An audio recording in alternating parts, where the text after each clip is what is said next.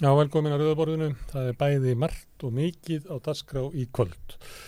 Í lokþáttarins þá eh, heyri ég í Gunnlaugi Guðjónsvinni sem er á Eilstuðum, starfsmann skóræktarinnar.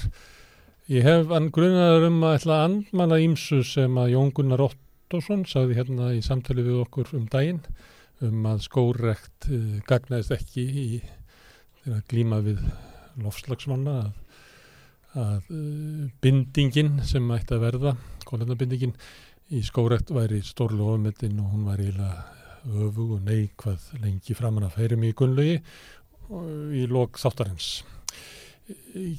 Kensla í skólum var umfjöldunarefni á, á ráðstefnu Sakræðingafélagsins í vikunni og það er komað hinga auðu Þóra Björgulstóttir sem er formaður félags sögukennar í framhalskólum og Súsanna Margret Gestóttir sem er lektor á mentavísitasviði.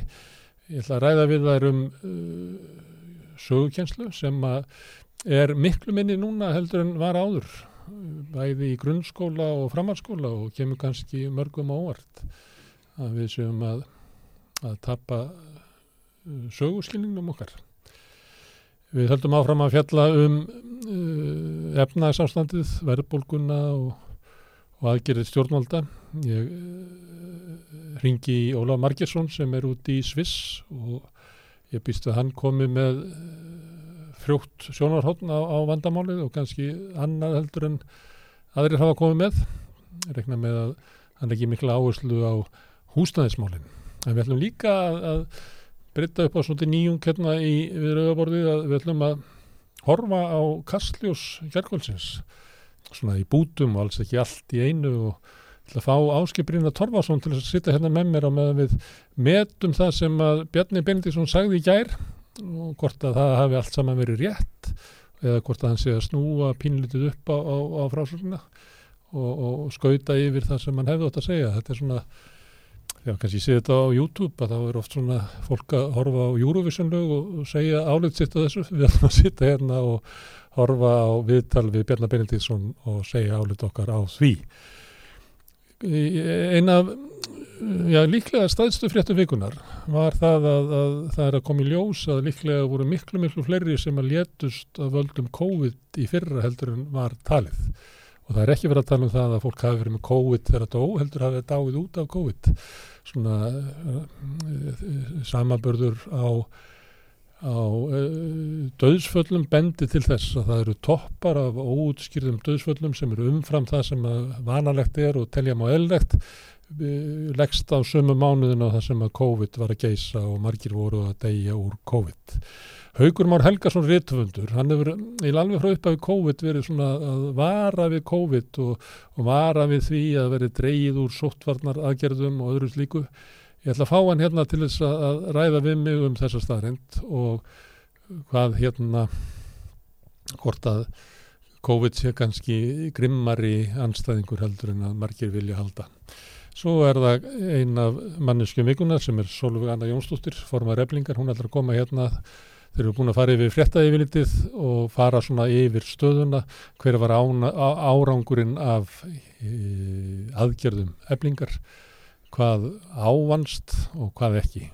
Solveig fer í uppgjör hér rétt á eftir. En við byrjum eins og vannarlega á, á fréttum dagsins. Ég hef nú búin að getum nokkra fréttir hann að það verður mikið fjallað fréttir dagsins röfulega hérna eftir. Já, já. En hvað?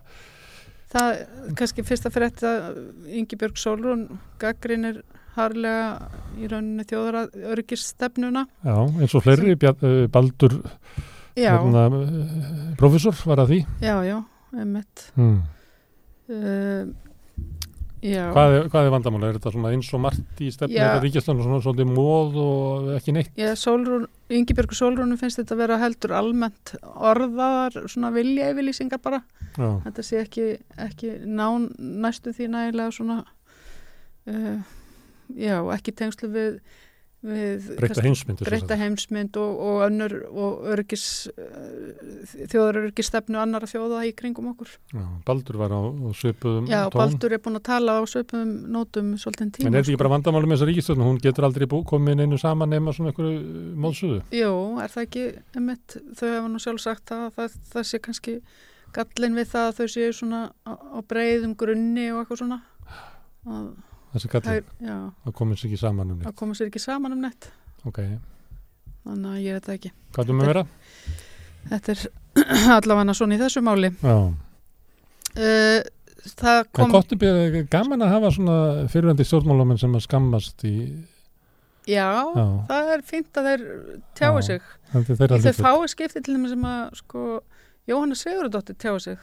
Það er það alltaf lítið Það er alltaf lítið en það er alltaf hræsandi þegar hún gerir það sko. Það Ég er svona hef vegur svolítið þungt oft stundum Já. uh, spurt hvort hún vilja koma hinga, hún vil það ekki Hún það ekki, ekki, að, ekki hinga, ég held hún bara vilji ekki vera Hún vill í, ekki vera í umræðunni. Nei, í umræðinni. nei, Þetta er ekki, mjög sjálf sem að heyrist inn sko. Já, emmitt Emmitt Herðu, en það var að koma ný gallup konun Já, og fylgi flokka sem að er nú bara Það er- seimold seimold var þetta að segja. Þetta er eiginlega búið að vera er stafa í, síðan í, í desember. Desember, janúar og februar núna hjá Mhm. Gallup. Sýnir eiginlega sömu stöðu, við erum með graf ef við getum kastaði hérna upp sem að sýnir hérna stærð flokkana. Og þar sést að, að já, þetta er bara beint af vefnum. Þetta er, eru flokkanir þarna sést að samfélkingin er svona ívið stærri heldur en sjálfstæðisflokkurinn mm, sem er ábyggilega rosa ég held að samfélkingin fagnar. Ég, veit, ég held að það sé ekki fagnar hérna hjá, í nágrannum okkar í í, Va- í Valhöll. Nei, Nei, ég held að sé nú ekki mikið fagnað þar. Nei. Herðu, það sem að breytingin er að ef við tökum bara ferðalega kjósenda mm að þá hafa 6,5% kjósenda yfirgefið framsókn 5,8% farið frá VFG 1,9% farið frá sjáttarflórum og 3,5% farið frá flokki fólksins -hmm. og þetta hefur komið eiginlega megin þorinn að þessu bara til samfélgingans Já. 1,1. Þetta er ekki alveg svona nei það getur eitthvað farið á milli og farið, þannig að þetta er nett og reyningin mm og í þingmanna hérna, ég sá að að þeir voru hérna, deilu þingmannum á rúf og sjálfsvæstaflokkurinn er þarna með 5% -hmm. og þess að við fengjum eitt þingmann sem að minnst vera skrítin af því að ef þú færð 5% þá ertu hérna eh, er deilt út. Já, já, ef þú færð 5% þá færðu upp á þingmenn og það þýðir eða þrý Eh, stundum er það gert til dæmis ef að miðflokkurinn væri með 4,5% 4,5% Mhm. þá gæti einhver sagt að að miða við hvernig atkvæðin dreifðust í síðustu kostningum mm. að þá er líklegt að, að miðflokkurinn myndi ná inn kjörðan með kjörðum manni í norðaustri Mm og þess vegna ætti hann að vera með eitt þingmann já, en ég fætti ekki á hverju þið láta svo stað bara að fá eitt þingmann Nei, fyrir fimm þetta er svolítið undarlegt hjá, hjá mér í mínu útreiningu sem er alltaf rétt mm. þar er sjálfstæðisflokkurinn með 14 þingmenn tapa þremur framsókn með 7, tapar 6 Mm. það er rosalegt Já. og VFG er með fjóra og tapar fjórum Mm þannig að ríkistjóðin er með 25 þingmenn -hmm. fyrir 40% atkvæða. Þau voru með 54,3% í kostningum. Mm Þannig að þeir var tapað meira en 20% af fólkinu. Þau Já. bara farið eitthvað annað og me meira en það, 20 eitthvað. bara, einmitt. Það sem að ég held hún hafi ekki, ég held að, ég, ég held að vera í maskinu sem samanlagt fylgiflokkana fór niður fyrir 40. Ég held að ekki gerst áður í, í hérna Gallup. Mhm. En ef við sjáum núna, það er líka spurt að því sko tröstir ríkistofnarinnar hérna, sem er þá annað graf Mhm. sem er sínir línuritt ef við sjáum það, þetta er stuðningu við ríkistofnarna Mhm. Og þarna er uh, rúf búin að setja inn hérna hvernig þegar COVID kemur og liftir í upp áður Einmitt. það kom nú ágætlega í samtali mínu við Efu Önnudóttur Mhm. hérna fyrir vikunni að hvernig COVID lifti upp stunningi við ríkistjóðuna og þau hafa skorið þarna inn útbóð Íslandsbanka mhm, þannig að þegar við vorum niður á Östuvöll að mótmanna já, að það hafi raunverulega verið að fella einmitt, en ef þú horfir svo til endana þá sérðu að það er að falla þarna enn frekar núna. Já, nú er eftir að sjá komið ljós hvort það haldi áfram. Mhm, en þetta er neðst, uh, ríkistöðin hefur ekki farið neðar en þetta. Þetta er að uh, versta sem að. Katri Jakobsdóttir hefur séð já, og sínum stjórnmálaferli, þetta eru tæplega 42% mhm, það sem hún hefur farið neðst áður eru 44% já, það er hann stuttu eftir Íslandsbankan mhm, og svo hann einhver tíman á fyrra kjörtímabilinu. Þetta er nú Sérðu í hvaða mánuði það er? uh, nei, ég, ég get ekki- það sko, já, þú vilt. ég sko ekki tega við það. En ríkistofnin er sem þetta að missa það er ekki stemming fyrir þessa það er bara botnin er að detta úr þessu hjá þeim alveg. og maður heyri það alls þar Já, ég er engan svona glaða með þessa ríkistofn nei, nei. sjálfstæðismenn döðleiðist að vera með vafki þau eru ekkert glöð með hvort annað heldur sko heldur. Nei, framsókn er einhvern veginn ekki í stuði. Nei, það er miklu meira gaman að vera í uppseflu það er hundleðilegt að vera að falla niður einmitt, og þá. Og þegar stemmingin var bara um að við varum góði að vinna kostningar og svo Mhm. mælist þetta svona þá er erfitt að hafa stemming um eitthvað Já, já, það því að framsókn er kannski ekki að uh, stendur ekki fyrir neitt sérstætt sko. Nei, ég held að ég sé ekkert að tala ítla um þá með því að segja það að það er helst Nei, svona það er bara, maður sér það bara eins og hvernig þeir voru með slókóið í kostningabartunum Já. síðan er ekki bara best að gjósa framsókn. Það minna þeir stóðu ekkit fyrir neitt, sérstætt. Nei, það er svolítið ásmundur einar fólki finnst Það hann standa fyrir einhverju- barnamála. En, já, já, Hmm, það er ekki gaman þar og ég held að sé heldur ekkit gaman í Vafki það er náttúrulega, ef það er ykkur græsótt þannig eftir þá eru allir að. Greifum, uh, þeir lækka ekki milli mánuða Vafki, þeir eru í 6,8% Mm svo sést þetta er í 5 Mhm. þetta fer, eh, endanum verður þetta jafnstóri lokkar Já, já, og svo fer annar fram úr einmitt. Við veitum alveg hvað flokk það er. það er Já. Nei, þetta er En það er, það er, það er svo- svolítið aðteglisvært líka, Gallup var líka að mæla sko hérna uh, umhverfiskvíða eða áhugjur af loftslagsmálum Já, og þar er sko, eru píratarnir hæstir, svo sósialistar já, og svo vinstri grænir. já, já. Það eru farnir sem sagt þeir sem að Já, voru með sinnarnir. hafa yfirgefið Já, einmitt. Þannig að Þetta er nú Herðu, Er svo er það gráu herin þeir Já. kæ, sem sagt, kæra til mannréttita domstóls við höfum svolítið fjallað um þetta en ég skal viðkynna það, við höfum helst talað við fólk sem að hefur skeftist á þessa, þessi málaferð kannski hefur við að fjalla um þetta þetta er, þetta er náttúrulega skerðingin er þannig að, að það er helst þeir sem eru allra best settir sem Já. að verða fyrir mestur skerðingu. Og það er nú náttúrulega þess að rauðabórs að við höfum meiri áhuga á þeim sem að standa ítla heldur þeim sem standa vel einmitt, einmitt. þannig að við höfum kannski að herða okkur í því að fá meiri áhuga á þessu máli Já, Já, þetta er náttúrulega skiptið máli. Má ég koma eitt mál? Já, mátt komið mál Já, það var hann að, ég var að lesa mokkan í morgun, á mbl.is. Það var rosalega löng frétt um það að hérna, Aftenposten Insikt, sem er uh, mánaðarblað sem að Aftenposten gefur út, Já, og við sögðum frá á samstöðunni, Já. að, að því að sam, uh, samherji var á forstöðunni síðast. einmitt Og það var svona, eh, við fjöllum um þetta, svo þetta var ekkert Mhm. sérstaklega góð grein, það var svona bladamanna hugrenningar sem að um það Mhm. svona afhverju íslendinga væri svona spiltir og Já, og svona eitthvað veltur fyrir sér. Þetta hefur verið kallað í gamla daga svona húmul í húm texti. Að því, að, ja, því að þetta er ekki alveg svona byggt upp á svona einhverjum svona staðrindum og þú veist þannig að þetta er svona hugrenningagrein og herðu, það saði náttúrulega engi frá þessu nefna við og heimildin. Já, já, en mokkin í morgun bara, allt í nú séði þessa forsýðu þannig já, en þá var málið það að aftinpostin er að byggast afsökunar á því að hún hafi ekki verið nógu vel unnin.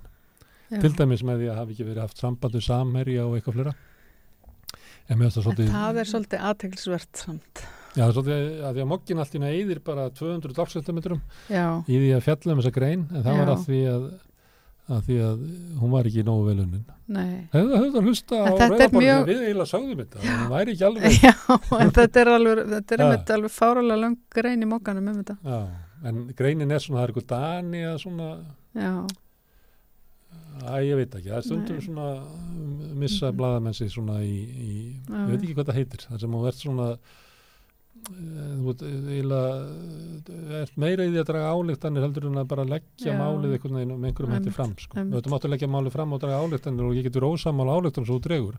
En það verður að vera eitthvað kjött Já, akkurat En þetta er samt svolítið spes sko að þeir byggðist afsökunar allir gera það oft Já, já ef, að, ef að sko ef að greinin stendst já, ekki svona... þann standard sem aftenpostin gerir, Nei. til dæmis að ef þú ert með harðar ávirðingar gagvat ykkurum, mm -hmm. að þá gefur hún færi á að, að svara já. og það er náttúrulega regla sem að gildir er svona, ætti að gilda alltaf kannski, en, er, uh, en samt er það þannig mm -hmm. að því sjálfnar sem að fjölmiðli kemur út, mm -hmm. því mikilvægir er hún. Því að það er heilt, heilt mánuður þangað til að það getur komið hitt sjónarmið, eða þú getur kannski með uh, vefmiðl, þar sem að þú getur byrt bara nýjar frettir bara á mm -hmm. sekundufresti, þá kannski þarf þetta ekki að vera að sitja viðbröð samerja bara beint inn í grinnina. Nei, nei en uh, stóri bróður í þessu dæmi sem er aftinpostin sjálfur sem er mikil mikil domkirkja í Oslo mm -hmm. gríðalegt veldi sem er í kringum útgáðu þessum blæði mm -hmm. þeir hafa tukta til þarna, þetta tímaritt sem þeir eru gefa út Já, já, Herðu, svo er önnu frett að því við vorum nú að tala um barnamálar á þeirra hérna á hann já. að hann var að kynna uh, niðurstöðu greinagerðum um húsnæðisþörf framhaldsskólana og hann vil fara bæta við í ver við verknámsskólana byggja viðbyggingar og annað. Mm. draga úr bóknámi. Draga úr bóknámi? Já, vil draga, jú. Nó. það held ég. Það vil ekki bara auka verknám? Nei, ég held að hann vilja líka fækka í bóknámi á móti. Nó, mm. setja kóta en maður getur ekki farið í latinu í MR lengur? Já, eitthvað svo les fækka í bóknámum 510 nefndur eða 3% Veiða þá yfir eða ekki? Jú, hann er náttúrulega bara að fá sannlega í staðin fyrir að einhverjir fari í bóknám og þeir fari bara í verknám í staðin En er þetta ekki, hvað er þetta? Það er náttúrulega yðnskólinn og teknískólinn og þetta er allt í eigu samtaka aðurlýsins og samtaka yðnaðarins og svona, getur það ekki bara gett þetta sjálfur? Það er góð spurning sko. Já. hvort er þetta ekki bara geta gert sjálfur Nei, en það er líka Það er einhver að rannsaka það, það fráði að þetta var engavægt, ég held að hún hefði hérna, Þorgjörður Katri stóð fyrir þessu þegar hún já. var mentamanráðar í sjálfstæðarflóksins að, að gefa hérna, samtökum aðunreikanda innskólan Ég held að þetta rannsaka það hvort að þetta hafi allavega vantar pípar að það vantar trésmiði, það vantar já, allt. Já Nú voru þeir að leggja niður námsbröð í skipasmíðum. Ummitt. Trés, já, það var ekki síðasti skipasmíða. Ummitt. Þannig að það er hörnur. Nefn, já. Ég veit ekki. Mm -hmm. Kanski er þetta út af því að þetta var hérna við ræðum á eftir. Ég ætla að ræða við konur um, um sögukenslu. Já. Ég hef grunum að að það sé líka talað um að, að, að það hafi verið mikið áfall fyrir sögukjenslu þegar framhalskólinn var stittur úr fjórum í þrjú eða allur framhalskólinn, þú gast alveg klárað framhalskólinn að þrjumur ára en það var allir settir í það. Já, það var gert út af kröfu samtaka aðurlýsins ég veit ekki hvað, hvað þetta liði, hvað veit það um mentun Já, það er náttúrulega bara er ekkit sérfræðingar í mentun myndi maður halda En Þorgjör þetta er náttúrulega, þeir vilja bara flýta sér að fá fólk út á vinnumarkaðin Næstu sko, þegar Þorgjörn Katri hætti á þingi Já. þá fór hún að vinna. Já. og þá fór hún að vinna í húsi aðurlýsins við hjá samtökum aðurlýsins mm -hmm. í sérstakri mentunadelt og var meðal annars í þessu að stitta framhalskólan og Já. sína eitthvað svona reynslu að ef við rekum bara mentakerfi eins og við rekum sko dekjavestæði þá náum við miklu betri ára ég held að ment, fólki í menta gera nú þólir þetta ekki. Þetta, nei, nei. þessar hérna þunnu kenningar sem að koma þarna úr þessu húsi. En nefnendur eru líka bara, mér heyrist alltaf nefnendur vera rosalega ósátti við þetta sjálfur sko, að þurfa að klára þetta náma þreymur árum. Svakalega, bara látið það mikið á sjá, allt félagslíf Já, ummitt Þannig að þetta er bara algjörð puð fyrir krakkana. Er þetta með eitthvað meira? Herðu, við erum eins og stóran þáttframöndan Já, það er bara, já, við getum sagt frá því að Helga Rakel fær ekki lif. Já, hún er með MS. Nei, Nei hún er með MND. MND. Já. Eins og hérna, pappinar. Eins og pappina var með, Rapp. Mm, í trommari. Já, og, sagt, já, og hún er, sagt, er ekki, hún hefur ekki frá upphafi, hún verður að reyna alltaf að fá sko lif sem að eru reynd erlendi svo að gagnast í sjúkdómnum og þetta er náttúrulega rosalega hraðverku sjúkdómur líka Já. getur verið það sko þannig að hérna það sé svo misjátt hversu fólk fer, bara hvað fólk fer illa rætt en ég menna hún er komin í hjólastól sko í dag Já. og það er ekki langt segðan að hún veikist og þessi lif virka Já. en er ekki fáanlega í Íslandi og akkur er það? Það er bara örgla, þú veist, allir sé ekki bara þú veist, kostnaður. Aðhald frá fjármánundinu Já. Er það? Já, sko, ég held að einmitt, bara, ég þekki það í sko öðrum livjaflokki líka sem er svona dýru livin að það eru, þeir vilja náttúrulega gera alls konar einhverjar rannsóknir af fólki ofta á Íslandi áður en að það sé tekin inn liv en ég veit ekki svo ekki nákvæmlega hvort það er sama þarna sko en það eru bara læknar eru ekki að sína henni áhuga finnst henni sko mm. þannig að við veitum, ég veit, maður veit ekki almenna hvað, hvað þetta er sko Þetta eru mjög svona flóki mál sko, við þurfum meðal bara að heyri einu sko. Já, það skiptir máli hvort þessu læknandi sem ekki vilja sko skrifa upp á sér líf Já. eða hvort það sé að hérna, fjármánandi sé að skera niður. Og það er engin læknir núna heldur í, í sko teiminu, þetta á landsanum, MND teiminu segir hún sko. Nú, hvað það bara... Það er bara hjókunarfólk eitthvað. Hjókunarfólk og húsverðurinn og og einhver sem að sérum að fylla á, á, á hérna, sjálfsáluna í mötunum. Já, þetta er eitthvað ekki náðu gott sko.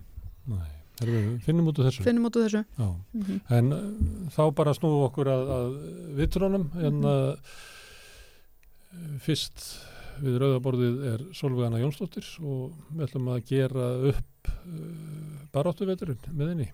Þetta er líka. Já, herðu Það kom koma í kjaradeilu samtakaturlýsins og eflingar í gæri eða fyrirdag það sem að miðluna til að var lögð fram af Ástróði Haraldsinni og deiluaðlar ætla að láta kjósumynda og ég held að flesti rekni með því að hún verið samsýkt þannig að það er komið svona ákveðin koma og svona hann að þetta er búin að vera þetta er búið að vera mikil barátta og átök og hérna, mikið verið fjallað ummynda mm -hmm. ekki bara hérna við rauðaborðu eins og oft er um verknismál, þetta er bara út um allt samfélag Já. Ég kannski er of skamt liði til þess að segja, þetta, segja það sem ég var að hóta alltaf spyrja þið áðanum að hérna gerir þetta upp. Hvað ávannst og hvað ávannst ekki? Mm -hmm. hmm, hvernig Já. þá get ég spurt eins og Hallur Hallsson spurði Albert Guðmursson eins og hvernig líður þér þegar þetta er búið? Uh, mér líður auðvitað bara um, svona alls konar.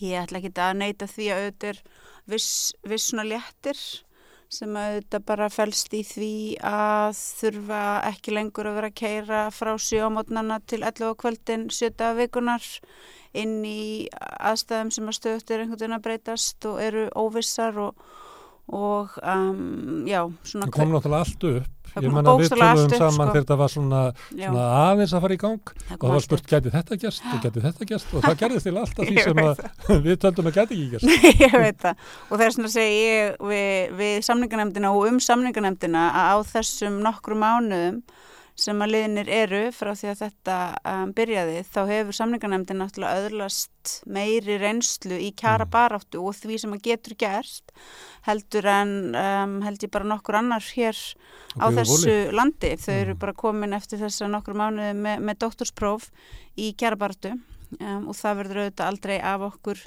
tekið. Um, þannig að já, ég menna það bókstarlega hefur einhvern veginn allt gerst sem að hefði geta gerst og nú erum við þá komin á þennan um, punkt sem þú kallar mm. komu um, an, Þú ættir að hitta haldur og félaga bara í haust. Já, já, við skulum aðeins lega mér að þurfa ekki að fara að hugsa strax um það. Smá pása. Ég þarf að hitta, okay, ég þarf að hitta til dæmis uh, ofinberu laungreiðenduna mm. aður en að það gerist. En já, við, við, erum, við erum ennþá svona núna kannski að tala um þetta og við getum aðeins kannski spjalla um það um líka Þessi miðlunatila er framkomin, um, atkvæðagreislega um hana hefst á morgun og líkur á meðugudaginn. Uh, við í samningarnæmdinu og ég sem formar, við þetta bara kynnum hana. Það er félagsfólks að taka ákvörðun. Mm. Við erum núna að leggja loka hönd á um, kjörskrána, hérna marg, marg umfjölliðu. Mm. Um, hún, hún, hún, hún var náttúrulega ekki til það, þurft, það þarf að útbúa hana og það er alveg vand, vandvirknislegt verk. Þetta er náttúrulega greiðastór hópur af fólki. Um, þannig að henni, henni verður skila núna innan skams og uh, svo bara auðvitað kemur í ljós hvað félagsfólk uh, vil gera.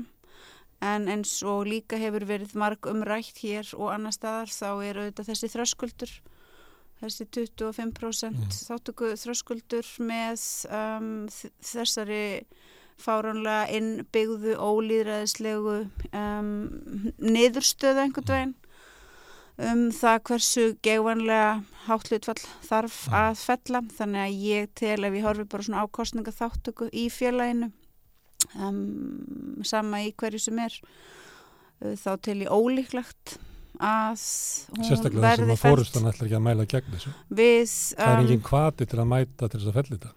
Neini, það er auðvitað rétt. Við mælum ekki gegn þessu. Við uh, fjallumst á að þetta væri löglega framkomin miðlunatilla sem hún sannlega er. Um, það höfðu þarna loksins eins ótrúlegt og það verðist um, farið fram eitthvað sem að kalla mætti viðræður þó að það er auðvitað endust stutt og samtökin hefðu silt þeim um, eins fljótt og þau gáttu í strand. Þá var þarna sáttasemeri sem að reyndi um, að láta viðræðnar eða sér stað og þær gerðu það einhverju leiti og hann mata svo að ekki myndi neitt árangur nást við samningsborðið og, og kom þér ekki óvart og kom ekki hínum óvart? Það kom einhverjum óvart að þetta verði niðurstað hans? Það kom einhverjum óvart, nei, nei þetta var svona, ég meina, staðrindin er auðvitað svo, hún er óumdeilanleg og öllum augljós að samtöku aðunlýsins þau alveg sama hvað reyndu var ætluðu sér aldrei að gera kjærasamning við eblingu um, í reynd sviftu okkur bara réttinum sem eru auðvitað ekki þeirra að gera til þess að gera kjærasamning um, það náðist þó þarna uh, örlítið umfram um, sem skiptir auðvitað miklu máli það náðist þessi hækkun fyrir um, almennt starfsfólk hótelana sem hækkar þarna með lönflokk sem er vissulega ekki mikið en þó eitthvað, allt, allt telur. Og svo náðist þarna nokkuð ásættanlegur árangur fyrir bílstjórana. Ná, Bæði í samskip um, og oljutreifing og skjálfingi Já, og það var auðvitað vegna okkar Þannig þeir sem fór í verkvall fengu eitthvað? Já, það var auðvitað það að okkar, okkar baráttu fólk fekk eitthvað og svo auðvitað er það svo að þarna um, reyndi sáttasemiri í þessari deilu að hafa einhver áhrif og það er ekki hægt að líta fram hjá því Hvernig, hvað meina reynda? Já, ég meina hann, hann þarna beitti sér auðvitað fyrir því að þarna kemi eitthvað til okkar mm. Hann, hann taldi að vera ófært ekki var, ekki var viljinn til staðar. Nei, nei, hann taldi ófært áströður að leggja fram málaminu til þess að væri bara gröfur þessa.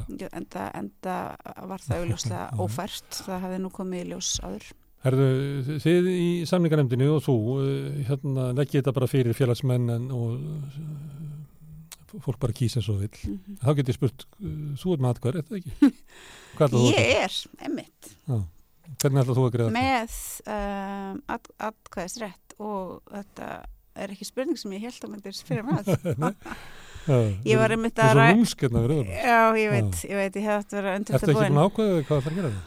Ég var að ræða þetta við minn góða félaga Ragnar Ólason í dag um, þar sem að hann satt og var hérna í, í hókin í reynslu að setja saman kjörskrána með sinni hérna vandvirknislegu og, og um, góðu uh, nálgun og vinnu bráðum og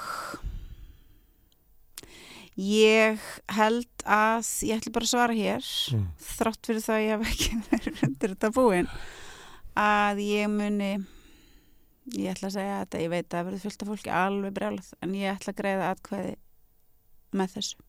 með þessu vegna þess að það var ekki annað í stöðunni heldur en þetta og og vegna þess að ég vil að bílstjórarnir fái það sem að þeir mm. munu fá fari hún í gegn þannig að já, já. nú er ég búin að svara þessu já. og verði eflust grilla á teini mjög hrætt og röslega Hver er þetta að gera það? Já, fólki sem að náttúrulega vill ekki að ég segja þetta já, en kannski verði ekki grillað en kannski sleppi að þessu sinni við grilluna kannski mm. finnst fólki að þessi búið að grilla mig nóg og lengi.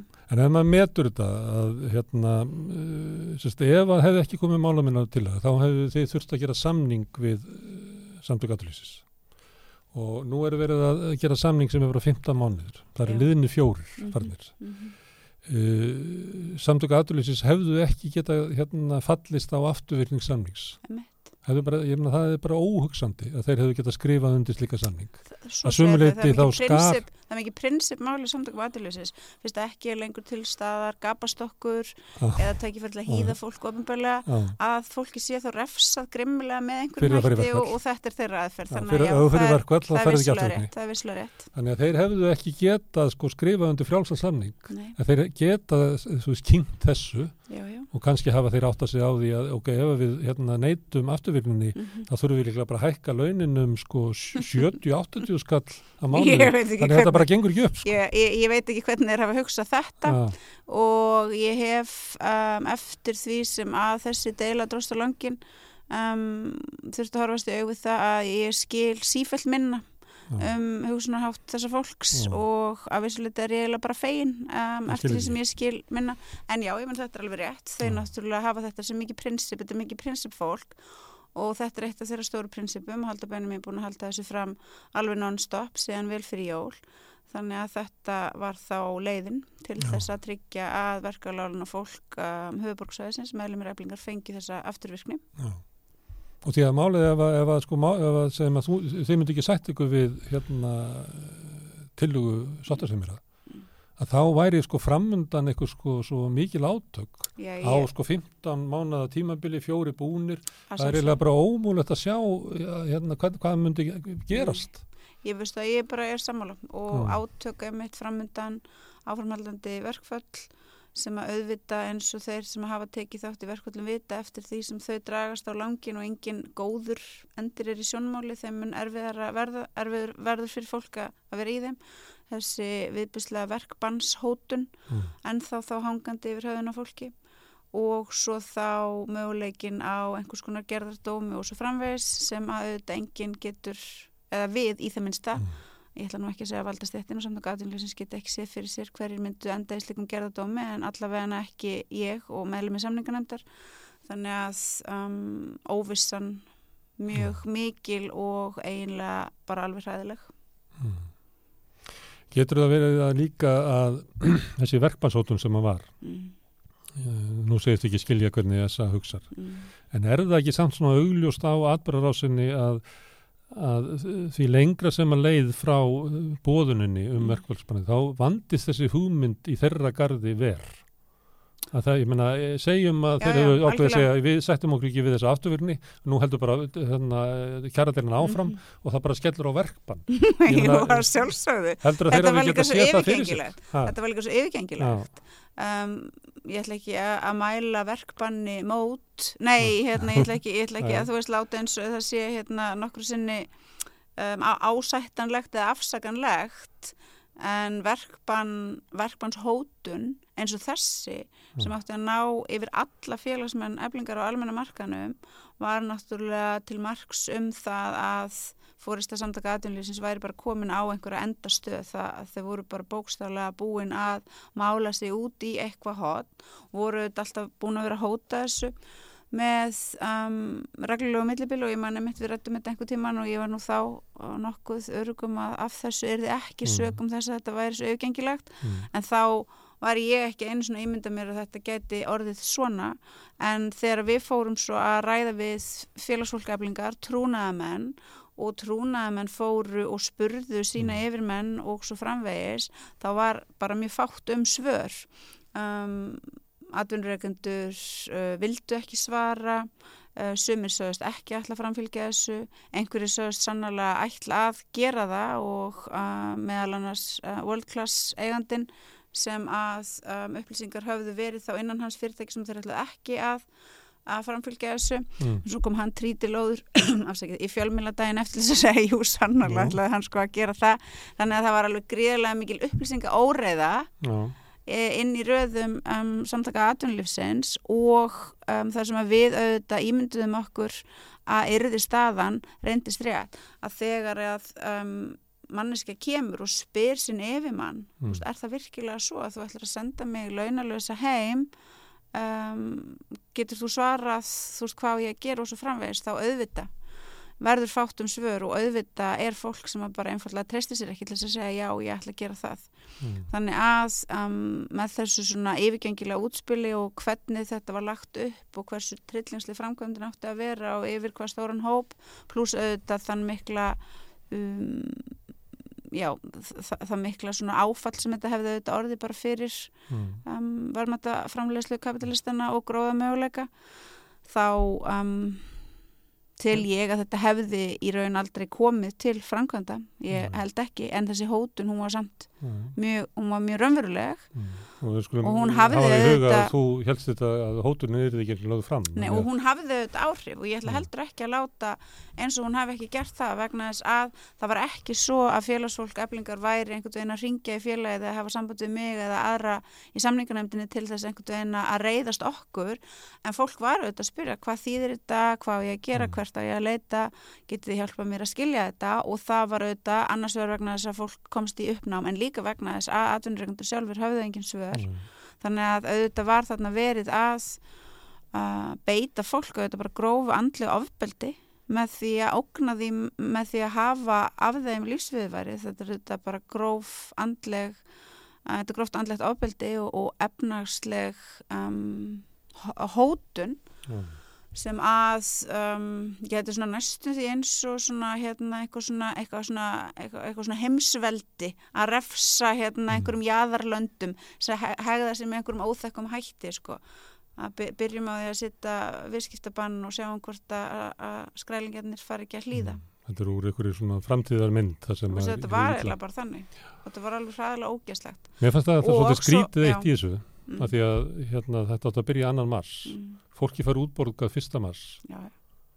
Og svo líður bara dagurinn og fyrirtæki fara að loka og loka. En fólki eflingu er kannski bara ágæðlega sett svona fram eftir. Ég, þannig ég skildi ekki alveg nei, sko, ég, ég skildi ekki sko ó, en uh, að því þú byrjar að skera undan það fætunar og ég meina ég bara náðu þess ekki. Prófa að halda benni við koma og spjallum en svo náttúrulega líka annað sem er þú veist bara áhugavert og fróðlegt að ræða og, og passa sig að gleyma aldrei. Að Haldur Benjamin fyrirskipaði þarna í raun einhvers konar áhlaup á vinnudelusjóð mm. félagsins mm. og ég held ég held hann hafi verið búin að ræða við einhverja sem hafi sagt honum að, að sjálfsögðu væri Skildi. reglugerð vinnudelusjóðs með þeim hætti sem hún er og svo held ég að þeir eða þau sem hann rætti við hafi sagt honum að formaður í félagi myndi aldrei þóra öðru bara mm. hræðslu við félagsfólk heldur en að segja sjálfsögðu mm. Um, þannig að ég held að hann hafi mögulega trúið því að við myndum bara strax segja já að sjálfsögðu borgum við út mm. og ég held mögulega að það hafi komið honum um, og ásamt auðvitað öðrum á óvart um, hinn afdráttalösa afstæða fóristu öflingar Já, um að svo er þið mjög hart við og var já, bara, var ótrúlega fói ótrúlega fói og hann var mm. náttúrulega ekki einn um það en, en ég er bara mjög um, ánægð með mm. það hversu ótrúlega fljót við vorum að bregðast þarna við mm. og senda þessi skýru skilabóð að það væri sannlega ekki atvinnurreikanda að tæma vinnudelisjóð uh, verkafólks. Mm. Og þó svo að, að í vinnudelisjóði standi að, að þessi styrkir með líka út af verkbannum -hmm. að ef að ef að eh, verkmanni byrjar annan mars mm -hmm. og svo segjum bara að það setja 20. mars mm -hmm. að þá þarf bara vinnudelu sjóður að reyna ákvæða hvernig getur að því að ef allir ætti að fá bara fulla bætur frá fyrsta degi þá er þetta bara að teka 6 daga að klára þetta að þú getur alveg ekki tekið ákvörðun um það í upphæfi verkmanns að gera þetta Nei, nei, og þetta að var náttúrulega ofsalega svona skringileg og svona batnalega umræða sem var þarna á stað hún var svona já, það var, var mjög margt svona batnalegt, svo ég mm. bara sé hérna mildi í orðalagi Um, eins og einmitt þetta sem þú ert hér að nefna og svo mm. auðvitað það að vissulega reglugjör til staðar sem að segir hvað megi gera nei, nei. en svo eru auðvitað stjórn í sjónum mm, sem að ber þessa miklu hérna, ábyrð að einmitt meðhöndla fjármunni þessa lang mikilvægasta sjóðs af öllum, kannski fyrir utan hérna, sjóðun sem gemir sjúkratagpinningana mm. eða jafnliða honum uh, og þar auðvita um, dettur sem betur fer ekki fólki til hugar að ákveða einhvern veginn í einhverju hysteríu kasti mm. að það sé ekkit eðlilegra og sjálfsögur en að tæma bara sjóðin um, af því að um, auðvaldið skipar svo fyrir. Mm. Heru, það er ægt að meta verkvöld í krónum og örum, hvort þetta var í þessu virði, en það er annað sem að verkvöld gera, það er, já, þú nefndir til dæmis að, að, að sko reynslan sem að kemur á því að, að standi í þessu, en það er líka að ég, Ámundur Jónasson, hann hefur sagt eitthvað svona, ég held að hann hefur verið að nefna verkvöld sem var á, á ríkis útörpinu á síðan tíma sem að var og, og svo, svona eftir á voru fólk á því að kannski skilaði ekkert svo hérna, góðum ávinningi peningalega en hann sagði að eftir þetta þá breyttist valdarhlutullin inn í fyrirtækinu mm. skriftunar hættu að færa yfirmönnu sínu kaffi sem er náttúrulega er ekki að, en það er svona lýsing á því hvað gerist í verkvöldum mm -hmm. það, það sést uh, launa fólk sínir valdsitt mm -hmm. uh, var gagnað þessu? Sannarlega, sannarlega og þetta er auðvitað svona þessi mikli lærdumur eflingar fólk sem hefur lagt niður störf og ég hef heyrst fjölmarkar sögur emitt um þetta frá uh, fólkinu, konunum sem að lögðu niður störf í langa verkvallinu við Reykjavíkuborg mm. þar sem að þær emitt vissu um, alltaf að þær væri mikilvægur og, og, og ómissandi en verkvalli kallaði fram hjá þeim þetta svona mikla stolt yfir því hversu ótrúlega mikilvægar mm. það er voru og þegar þeir koma aftur tilbaka í vinnuna þá var svona sín þeirra á, á sig sjálfar og, og sitt svona vinnu umhverju allt önnur og þessi samninga nefnd sem að núna hefur farið í gegnum þessa deilu, þetta er náttúrulega stórmerkilegur hópur og auðvitað þekktumst við söm þarna inni þegar þetta byrjaði en það kom þarna fullt af nýju fólki og við unnum saman og lærðum að treysta hvert öðru og hvernig lærir fullorðið fólk að treysta hvort öðru það er bara vegna þess að það sér að manneskjan sem það er í hérna, samskiptum við er tröstins verð og við náðum í gegnum allt þetta að byggja upp og viðhalda trösti og það gerðum við með því að við hafa henn líðræðislu vinnubráð að tryggja að um, á öllum fundum væri um, tími og, og næði fyrir allar þær umræður sem að fólk þurfti að taka og þær voru teknar aftur og aftur og aftur. Þannig að þú varst ekki bara í ræðupulti og allir hinn er að klappa? Að það er aldrei svo leiðis, ég er auðvitað oft í ræðupulti og við erum ofta að klappa bæði, þú veist, erum við bara að klappa fyrir hvort öðru og stundum erum við búin að vera að klappa svo mikið og stundum var það orðið þannig, þú veist, að ef bara kemur einhverju samningarnöndin inn í herbyggju þá erum við bara alltaf að klappa. Mm. Þannig að við, jú, við vissulega erum mjög klappandi fyrir hvert öðru mm en um, við ræðum okkur í gegnum málinn og við viljum og reynum í hverju einasta máli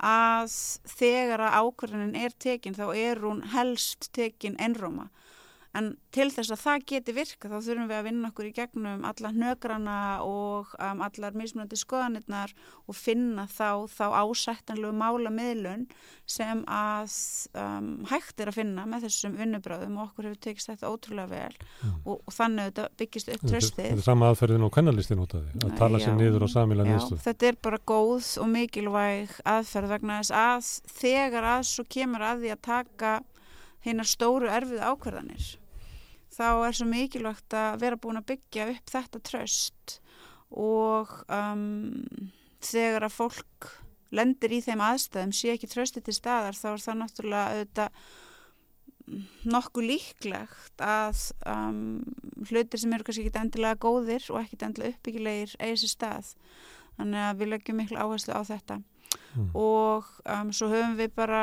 um, einhvern veginn náð og það er líka bara mín reynsla í gegnum eins og um, viðræðunar og verkvallum í borgina. Þar séum við svona nógu dugli að hjálpa staði gegnum hlutina. Þá náum við svona viðhalda bara því að það er líka skemmtilegt, það er gaman. Og við hefum einhvern veginn alltaf náð því líka að finnast gaman að vera að gera það sem við erum að gera og um, njóta þeirra sigra sem að koma og, og leifa okkur að fyllast rosalega mikilli og æðiskenginni gleði ef við vinnum eitthvað mm. um, og það hjálpar auðvitað líka við það að takast á, á, við einhver töp eða eitthvað sem að fer ekki eins vel og það á að fara og um, ég veit ekki, ég bara held að þessi samningarnemnd hún sé bara eitt svona svo ég leiðum að segja það, það merkilegast það sem hefur bara gerst í íslenski verkefliðsbárstu mjög lengi, fólk bókstála allstæðar á heiminum sem að sumirtala ekki ennsku og sumirtala ekki íslensku en við bara finnum út úr þessu, við tólkum allt og við svissum um melli tungumála og við vöndum okkur til þess að ná, ná skilningnum og höfum þetta sammeila markmið þrátt fyrir ólíka, ólíka bakgrunna og ólík mm. tungumál og svo framvegis að vilja berjast af öllu afli fyrir hagsmunum alls félagsfólks eflingar og það var líka það sem við vorum alltaf að segja hvert við annað og við okkur sjálf að jú auðvitað erum við hérna sem einstaklingar og sem fólk með skoðanir og allt það en við þurfum alltaf að muna en við erum að berjast fyrir risastóran hópa af fólki mm. og þess vegna þurfum við alltaf að vera vega og með allt sem við erum að gera. Þú nefndir hann að eh, fólk alls þar á heiminum eh, verkefni, verkalýs baratunar í okkar humsluta mm. Er kannski ekki síst að fá eh, innlend verkafólk mm. og aðflutt verkafólk, mm. innflytjendur og innfætta til að berjast sömu baróttu. Þetta er uh, eitt helsta megin og vandamál verkefnist baróttunar í okkar heimsluta mm. að, að, að fólki eru engt hvort kyrk öðru. Já, þannig hefur við nátt ótrúlega merkilegum árangri mm. og stórkslegum árangri og ég bara stundum bara ég veit ekki, skilnast því bara ekki sjálf hvernig við höfum geta látið þetta ganga svona ótrúlega vel en það hefur bara tekist og það mm. hefur bara bókstálega engin vandamál mm. komið upp ekki einn einustu en þá no. mín kenning er svo og hefur lengi verið að hér á höfbruksvæðinu þá náttúrulega vinnur verka fólk hlið við hlið fólk allstaðar aður heiminum og um, ætlir að láta hlutin að ganga þá náttúrulega bara finnir þú leiðir og þú kemst yfir tungumála örðuleika og svo framvegis uh, og þetta kannski er það sem að mjög mörg og ef bara ekki öll sem að taka þátt í þessu samningarnemndu auðvitað bara þekkja úr sínu vinnu umhverfi mm. um, þetta svona mikla umburðalindi sem að auðvitað bara byggist upp og þessi mikla þessi svona kannski miklu skilningur á, á því að um, það skiptir á endan bara öllu máli að finna leiðir til þess að um, tryggja að allir geti tekið þátt og að allir skilji hvað er að gerast og það er sem okay. betur fyrr eitt bara svona af hérna helstu ennkennum mannskeppnunar að geta fundið út á svona hlutum og þess vegna hefur manginni komist af í gegnum mm. árþúsundin af því að við getum fundið leiðir til þess að vinna saman og komast yfir um, einhverja örðuleika með skilning og svo framvegis. Þannig ertu líka því því eflingu að auka virkni almenna félagsmanna mm -hmm. sem hefur verið vandamál og megin í, í verkefnsreifingunni lengur. Ég býst Já. við að ebling sem að þú varst kjörinn formadur yfir á síðan tíma mm. það var, ég veit ekki hvað það setja, er það sofandi dregi eða eitthvað, mm eitthvað slíkt. Er, er verkvöld góð til þess að ræ, ræsa upp dregan? Já, Já þau eru mjög góð þess. Þau eru mjög góð þess og við vorum að skoða núna uh, tölfræðina og og af öllum þeim sem að nú greittu atkvæði um, verkfall þá voru 77% og skoðar allar þessar fimm bóðanir 77% sem sögja já við því að fara í verkfall mm. og allar þar verkfallsbóðanir sem Ebling hefur farið í gegnum eftir að, að ég tók við sem formaður það hefur alltaf verið afgerandi niðurstað en það að fólk er tilbúið til að leggja niður störf til þess að knýja á um betri kjör um, þannig að já, augljóslega mm. um, er, er verkfall eitthvað sem að fólk er tilbúið til þess að beita og í undirbúningi verk falla í undirbúningi þess að við förum í atkvæðagræslu þá þarf náttúrulega að vinna vissa vinnu og meðlumir í samningarnemnd unnu náttúrulega stórkoslega mikla vinnu með því að fara á heimsækja vinnustæðina og ná samtölunum og ég minna að það hafa bara stórkslega merkilega hluti líka gæst þar eins og hún Karla, félagi okkar sem að kemur núna næstinn í stjórn hún um, bara sjálf um, að því hún tala spensku fór og, og myndaði bara tengslu fullt af spenskumælandi félagsfólki eflingar sem að vinnur á hótelunum og er bara núna með þau í hóp og þau eru að spurja hann og hún er að svara. Um, þannig að dedikasjón eins og hjá henni þetta er um, mikilvæg og þessi tækifæri sem að þarna eru þá til staðal til þess að eiga þessi samtöl en það auðvitað dögur ekki bara að vera í tengsla myndinu félagsfólk þegar einhver átök eru í gangi eða kjærabarfta og það eru auðvitað stóra verkefni okkar að við halda þessu öllu líka þegar við erum undir friðaskildu mm. og trúnamannakerfi annars... var nú hugsa til þess að vera svona æðakerfi félagsins út í við erum, já, við erum núna einmitt í mjög um, mikill uppbyggingu á trúnamannakerfinu og þar er auðvitað mikilvægast að við höfum innhýst trúnamanna námskeiðunum okkar og erum núna einu sinni mánuði að taka á móti um það byrju 60 trúnamannum á námskeiði sem er heil dagur.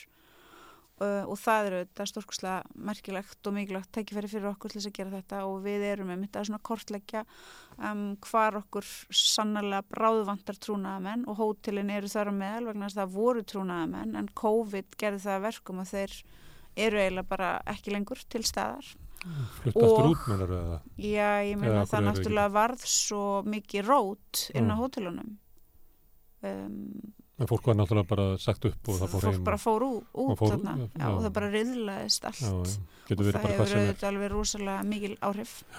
Herðu, en já, þannig að þetta, þetta er um þá langa svarið við stuttu spilinu. Ég ætla að spyrja um haustið, en þú nefndir stjórnin að, að nú er það ekki stjórnarkjör. Nei. Nei. Og það kom ekki regnarum með því að það kæmi, sem er í þá bjelisti, þú var nú leitt bjelistan tvísar, en ef það kæmi listi núna á móti því sem trúnaðmaðurinn Þú trúnaðar ráðið hérna að leggja fram að já. þá er það bjelisti. Þú regnarum með því að Óluf Helga og Agnieszka Eva myndi bjóða sér fram. Ég gerði það mjög lengi mm. en um, svo samt þegar að svo var það ekki þá kom mér það ekkert á óvart mm. sko vegna þess að það er eitt að ímynda sér að það sé hægt að gera svona og að um, þú njótir stöðnings og svo framvegs mm. en annað að láta það raungerast og um, Þetta er ekki oft reynd, þetta er ekki oft verið reynd að koma með svona bjælista, þú hefur gert það tvísvar. Já, ég ætla ekki að vera eitthvað að ræða líka þessar manneskjur, en nei. eitt er alveg vist Æ. að það er njóta sannarlega ekki mikils trösts nýja stöðnings um, hjá félagsfólki Æ. og það hlýtur auðvitað að hafa haft tölvört mikil áhrif á ákverðun þeirra um að koma ekki fram með lista. Herðu, nú, svo kemur haustið og nú eru þið í uh, bara sama takti og allir aðrir, starfsgrænsambandið og restin af ASI og mm -hmm. fólk kemur hingað mjög mikið að tala um, um verkefliðsmál og, og, og bara þörfin á því að ná fram einhverju breytingum í íslensku samfélagi. Það sé ekki bara að ná því í gegnum launahekkanir heldur verðið að gera eitthvað í húsnæðismálum það verður að gera eitthvað í skattamálum það verður að gera og það er bara þulið upp að, að sko mm -hmm það sem var hluti af Íslandsku samfélagi sem ætti kalla einhvers svona velferðarkerfi eða eitthvað mhm. slúðis að þetta er allt bara meir og minna beiglað og, og, og, og ílla í, í vondustandi yeah. og leiðin til þess að laga þetta er að verkefnisreifingin krefist þess að þetta verið lagað mm -hmm. og þá horfa menn á því að, og þá er alltaf sagt eins og þú þekkir að um, líkunar að þenn á árengur í slíku er að reifingin sé saminast mm -hmm. Hva, hvernig verður höstuð? og það er góð spurning mm. við þetta fylgjumst núna spennt með því hvað gerist í Vaffer um, Ragnar Þór er að standa sér skoplega vel núna mm. hann er að nýta sína miklu styrkleika mm. í því að fjalla emitt um álens húsnæðismál þar sem hann auðvitað um, veit manna mest um þau og hefur auðvitað um, byggt upp greiðlega mikla uh, þekkingu mm. á því emitt hversu hand ónýtt og viðbyrslegt þetta kerfi er þannig að um, við vonum auðvitað að kostningarnar þar fari, fari á þann hátt að hann sitti áfram.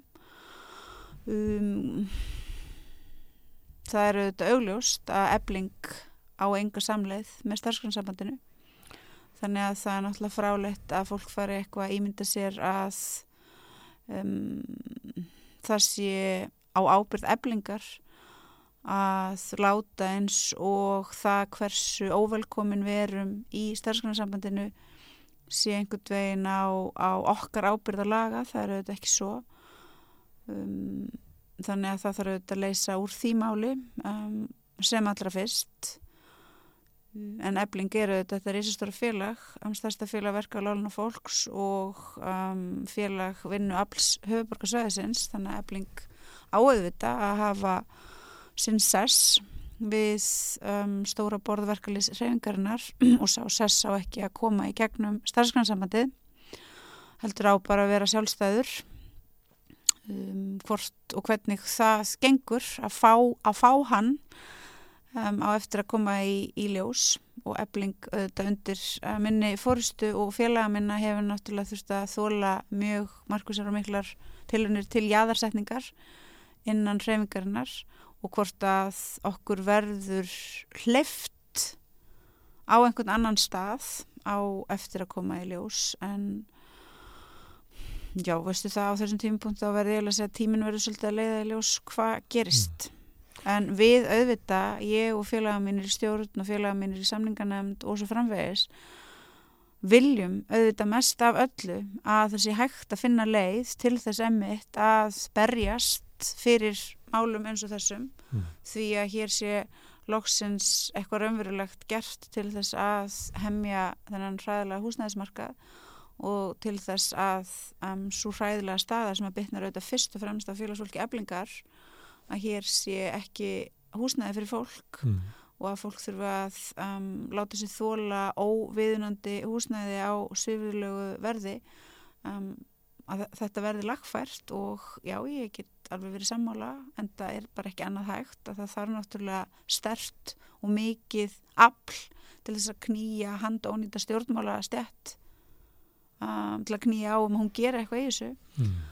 en ég ætla ekki á þessum tímpunktu að þykjast geta svara því hvernig fer vegna þess að reynsla mín er innan alþjóðsamansins að fólk er tilbúið til þess að leggja ansið mikið á sig til þess að tryggja ebling komist hverki nálagt neinum raunverulegum völdum og hvort að það heldur áfram um, á eftir að koma í ljós og ég get ekki styrt því. Mm. Þannig að það skiptir hún ekki máli hvort að þú sért með eitthvað svona hugum að, að eitthvað getur hérna, enda með einhverjum hætti. Það getur verið þannig að þér sé bara einfallega ekki bóð upp á frið í starfsgrænsafnum Ég held að, já ég veit það að mér verður aldrei bóð upp á frið í starfsgrænsafnum aldrei nokk, mm. það verður aldrei gerast aldrei. Ok, herðum Þetta verður uh, eh, forvöld að sjá hvernig þróunin verður. Já. Það þarf að koma einhverja línur í það hvernig verkefliðsreyningin ætlar að mæta næstu samningum þarf að gerast bara eh, fyrir haustið.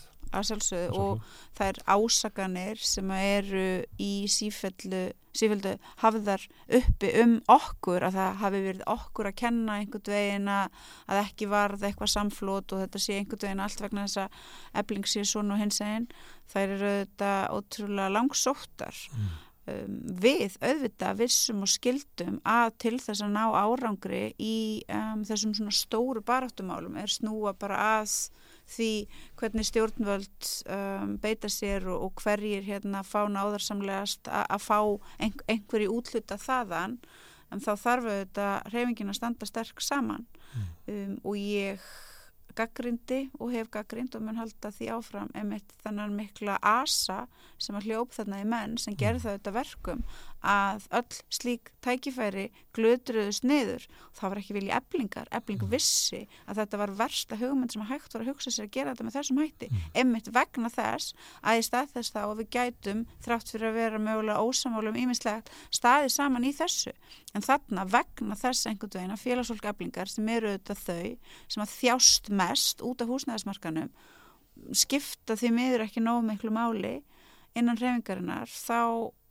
ákveðum en að það væri í lagi að berjast einhvern veginn ekki fyrir, fyrir þessum hagsmunum auðvitað allra en fyrst og fremst kannski eflinga fólks. Man geti sagt að uh, hortu við sögutráðin að þetta hefði verið svona sögutráður sem hefði verið hannar reyla af, af SA. Mm. Það verið bara mjög snjált að, að hérna, niðurstannir þessu að eflingir því einangruð og þá er því bara broti niður uh, við vorum að ræða áðan um hugmyndur um það var þetta bara að brjóta niður verkvælsjóðin þannig að efling geti ekki að fara í verkvæl bara mm næsta áratíðin mm að þetta geti orðið mm niðurstann og sumuliti má ætla að þetta er svona hugmyndir hafið drifið þetta áfram.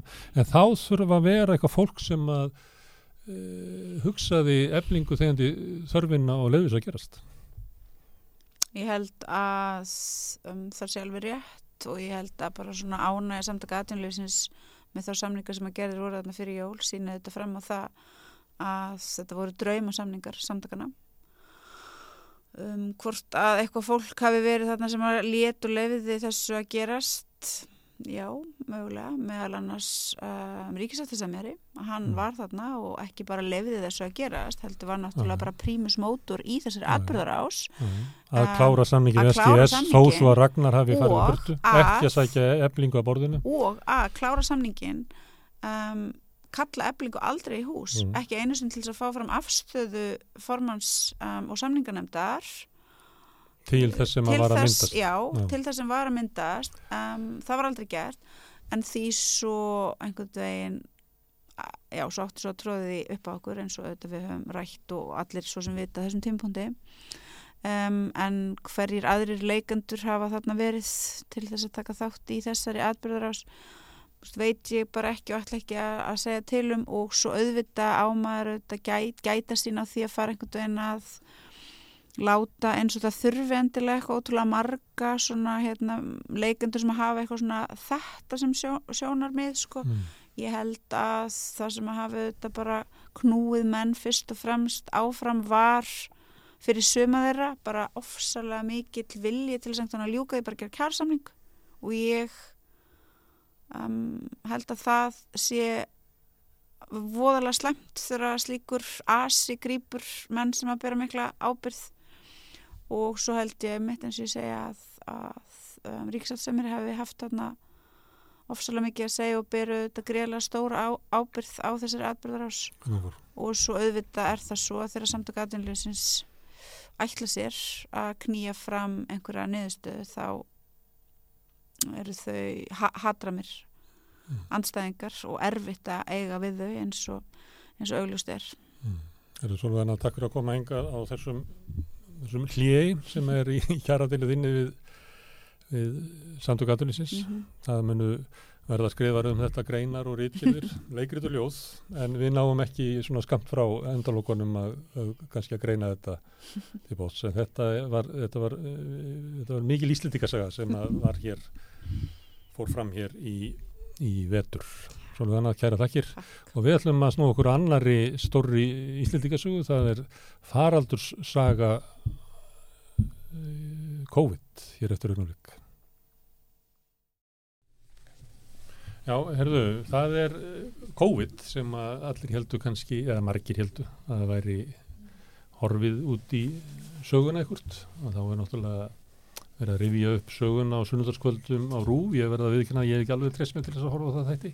En síðan komum fréttir í gær um uh, mikinn uh, umframdöðsföll á Íslandi í fyrra og þau leggjast uh, eins og uh, faraldurinn, COVID-faraldurinn. Og þar sem að voru flestir sem að létust úr COVID að það eru líka flest uh, umframdöðsföllin og þá er það ljóst að, að umframdöðsföllin tengjast COVID og það sem er meirað er að fólk er líklega að deyja vegna COVID, það er ekki endilega að deyja af því það er enn með COVID.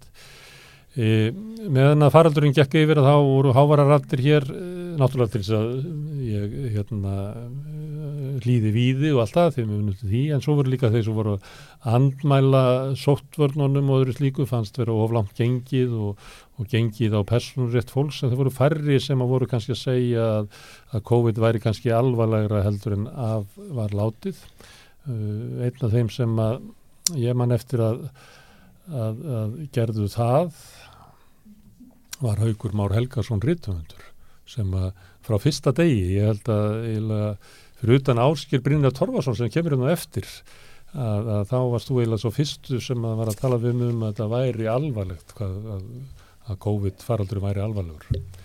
Og ég fekk því hingað, tulum takað fram að þú veit ekki læknir eða faraldursfræðingur en COVID snertir samfélagið okkar, þannig að við getum skoðað það sem svona samfélagslegt mál. Frettinnar í gær, hvernig slóðu það þig um hennan umfram umfram döðsvöld? Sko, ég, ég hérna, einmitt, það fyrsta er, er kannski bara sem langar að fá að hafa orð á sjálfur er hvað er undarlegt að mæta til að tala um þetta viðhómsenni. Mm. Ég tek því þegin sendi að vera á bóðið sjálfur, en ég, einmitt, ég er ekki með sérfræðið þekking á sviðinu, þetta er ekki, hérna, þetta kemur mér við bara á nákvæmlega sama hátt og öðru fólki í samfélaginu. Þú ert borgari. Og ég er á lífi og ég er með heilsu að hugsa um og ég er með aðstæðendur og ég er aðstæðendi fólks og hérna, alltaf, við, já, við erum minna saman og sitjum upp með þetta. Ég held að fyrsta sem ég myndi vilja nefna var, sko, það, það var tvent forvinnilegt í fréttinu sem byrtist á rúf í kær mm. Það fyrra og, og svona stærra vega meira sko eru, eru hérna einmitt að döðsföllin árið 2022 af völdum COVID voru líklega tvöfald fleiri en hafði verið talin hinga til eða talin, það er að segja tvöfald fleiri en tölunar sem hafði verið byrtar mm. ég veit af talnaglöggu fólki þann úti sem hafði fylst með gögnunum og var löngu búið að gera sig grein fyrir þessu mm. og var þannig létt að sjá það lóksins byrtast í fréttum lóksins væri, væri það sagt upp átt hversu mm. mörg döðsföllin voru en síðan var önnur talaðarna sem er eh, sem sagt janúarmánuður uh, á þessu Núna. ári 2023 mm. þá dói 13 af völdum faraldursins samkvæmt þeim tölun sem núna hafi verið byrtar mm.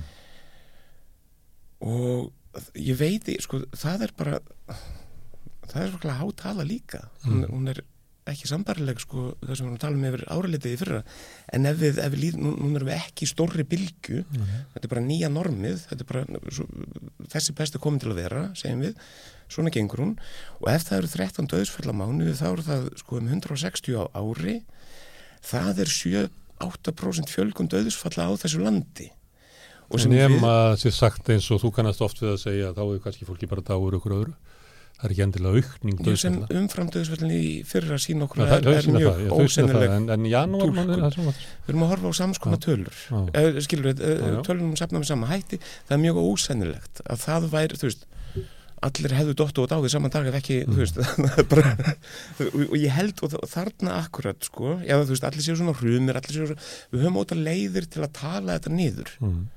og þær hafa verið mjög ábyrgand alveg frá upphafi og sko, mér finnst það svolítið form, ég er búin að vera að reyna að einmitt svona bara velta vöngum sko í dag eftir að bauðs mér um, um sko hvaðan væri best að koma að málinu til að opna það eins öðru í segnin og ég held allavega eitt sem er kannski ágætt að vera meðvitaður um eru sko meinlókunar sem býð okkur fram með fyrir óta sagt, ég og, og, og fjöldi fólks uh, sem að en það er um á varbergi hvort sem það er með því að hafa okkur aðeins hæg félagslega, nota grímur fylgjast með tölunum sem byrtast en þá mm. og svo framhegi sko.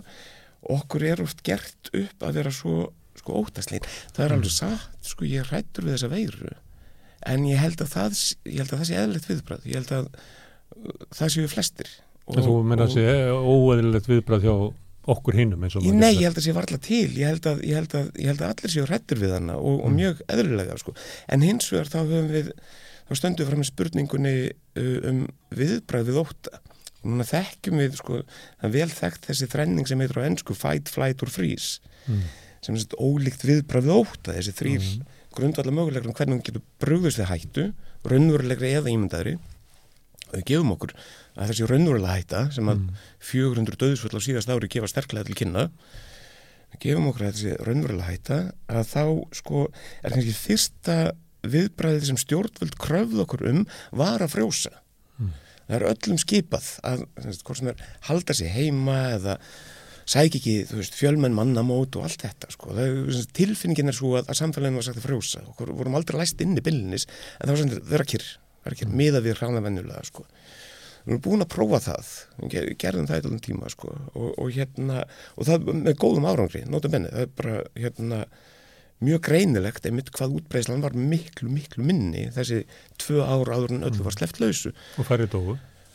og miklu, miklu færri dóu sér ára 2021 dóu sko færri en núna í janúarmánuði mm. það voru átta allt árið og engi bólusettur þá rétt, allavega það, það er búin að prófa að frjósa sko.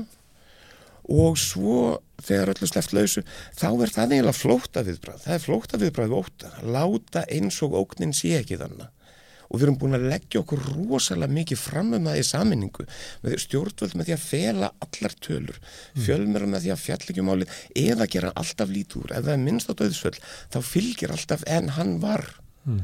komin yfir nýrætt eða hún var komin yfir áttrætt eða hann var með undirliggjandi eða þau voru með svo, alltaf til að smækka að þarna hafi eitthvað gerst mm. um, og þannig við búin að lifa núna í eitt ár eftir sko að eiginlega faraldunum hérna á landinu því að líst yfir og hún var í lokin mm.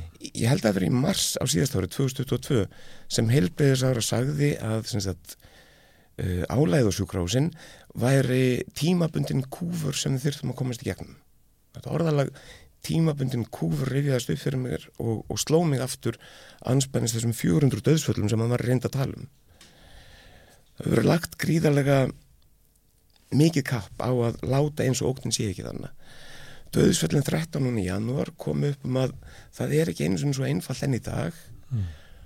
og ég held að það sé kannski komið tími til að sko Berjast. við veldum fyrir okkur hvort sko langi að taka upp þriðja mögulega viðbræði við ógnanum ógninu óttanum sem er þá sem skvorkja frjósa uh, niður að flýja heldur að tækla hann mm. að tækla þetta vandamál Og hvernig gerum við það? Uh, það eru ótal leiðir suma sem hefur verið beitt hérna aðra sem hefur verið beitt minna uh, í svona alþjóðlegu samfélagi faraldsfræðinga, ónámisfræðinga uh, lækna og fleiri sem að, að, að finnst Vesturlund hafa brugðist í þessum efnum. Þannig að Ísland er ekki eitt á báti við erum búin að vera aldrei samferða öðrum löndum gengið aðeins lengra en mörg en, en svona í gróðundráttum það eru allir meira en minna búin að fella nefnum vartin núna. Það var svo bara. Mm. Og þá er hópur sérfræðinga og, og hérna þú veist bara profesorar í London og bara málsmetandi fólk sem ma maður eru ekki æta sín á því að vera ekki að, að hérna maður eru umgangast sko miðla svolítið snirtilega til að, að passa sig á hávaðanum og, og, og rugglinu sem er það nútið það er nóga því sko. Uh, en sem, sem hafa eitt aldrei langan tíma verið að, að leggja alla áherslu á að uh, það sé hægt að gera sem sagt þannig að hægt að, að, að endur heimta eðlilegt líf án þess að því fylgi þessi viðvarandi ógn með því að hugsa um loftgæði. Og það verður þá, þá svona blönduð aðferð mm. þess að bara eins og Florence Nightingale gerði þessum tíma lofta vel út. Staflega, mena, við erum hérna í rými með engum glukkum það er frekar lítið hugsað um kannski loftræstingu ofta á Íslandi. Mm. uh, í öðru lagi að reynsa loft, ég veit þið eru með loftreynsitæki hér sem að sko einmitt auðmenn gæta sín að hafa í þeim rýmum þar sem þeir koma saman. Mm. á efnaðsráðstöfnin í Davos voru loftreinsi tæki og annar búnaður í öllum rýmum. Mm. til að þjónustu fólk gekk með grímur og það voru mikla varnar uppi sko, fyrir mjög stuttu síðan. Sem að sömu aðilar er raunin að neyta almenningi um. Um þess að myndir með því að láta í veðri vaka á ofendarum vettvangi að þannig sé ekki neinn og til staðar. Og í þriðalagi eru síðan sko grímur réttar grímur, rétt notaður mjög gaglegar til að, að verja sig og aðra þegar svo ber við. En, en hérna bursið frá tæknaðatrjóðum og ég, semst, ég er ekki sérfræðingur í þeim frekar en ég er sérfræðingur á sviði sko læknisfræðinar mm. en ég get sagt sko eins og hérna Greta Thunberg sko, mér finnst það eftir að hlusta á sérfræðingarna. Mm. og mér finnst það að hérna Þá er það að tala um að hvað, endur hanna félagsrýmið hvernig, hvernig við hegðum okkur og þetta eru og, og þá er það að þetta sé bara varanleg uh, varanlegur faraldur sem bara fer ekki. Í augnablíkinu virðast engin gögg benda til að hann fari En það, það, er, það er erfið að fá fólk til að gera það því að eh, eitt er að segja við stöndum nú saman og þá getum við komist í gegnum þetta en þú ert að segja við erum að standa saman en við erum ekki að komast í gegnum þetta við erum bara að standa saman mm. til þess að en, draga úr skada sem við þó getum ekki losnað undan Annað eins hefur verið gert og margir benda á til dæmis kólarufaraldurinn í London á 19. öld mm.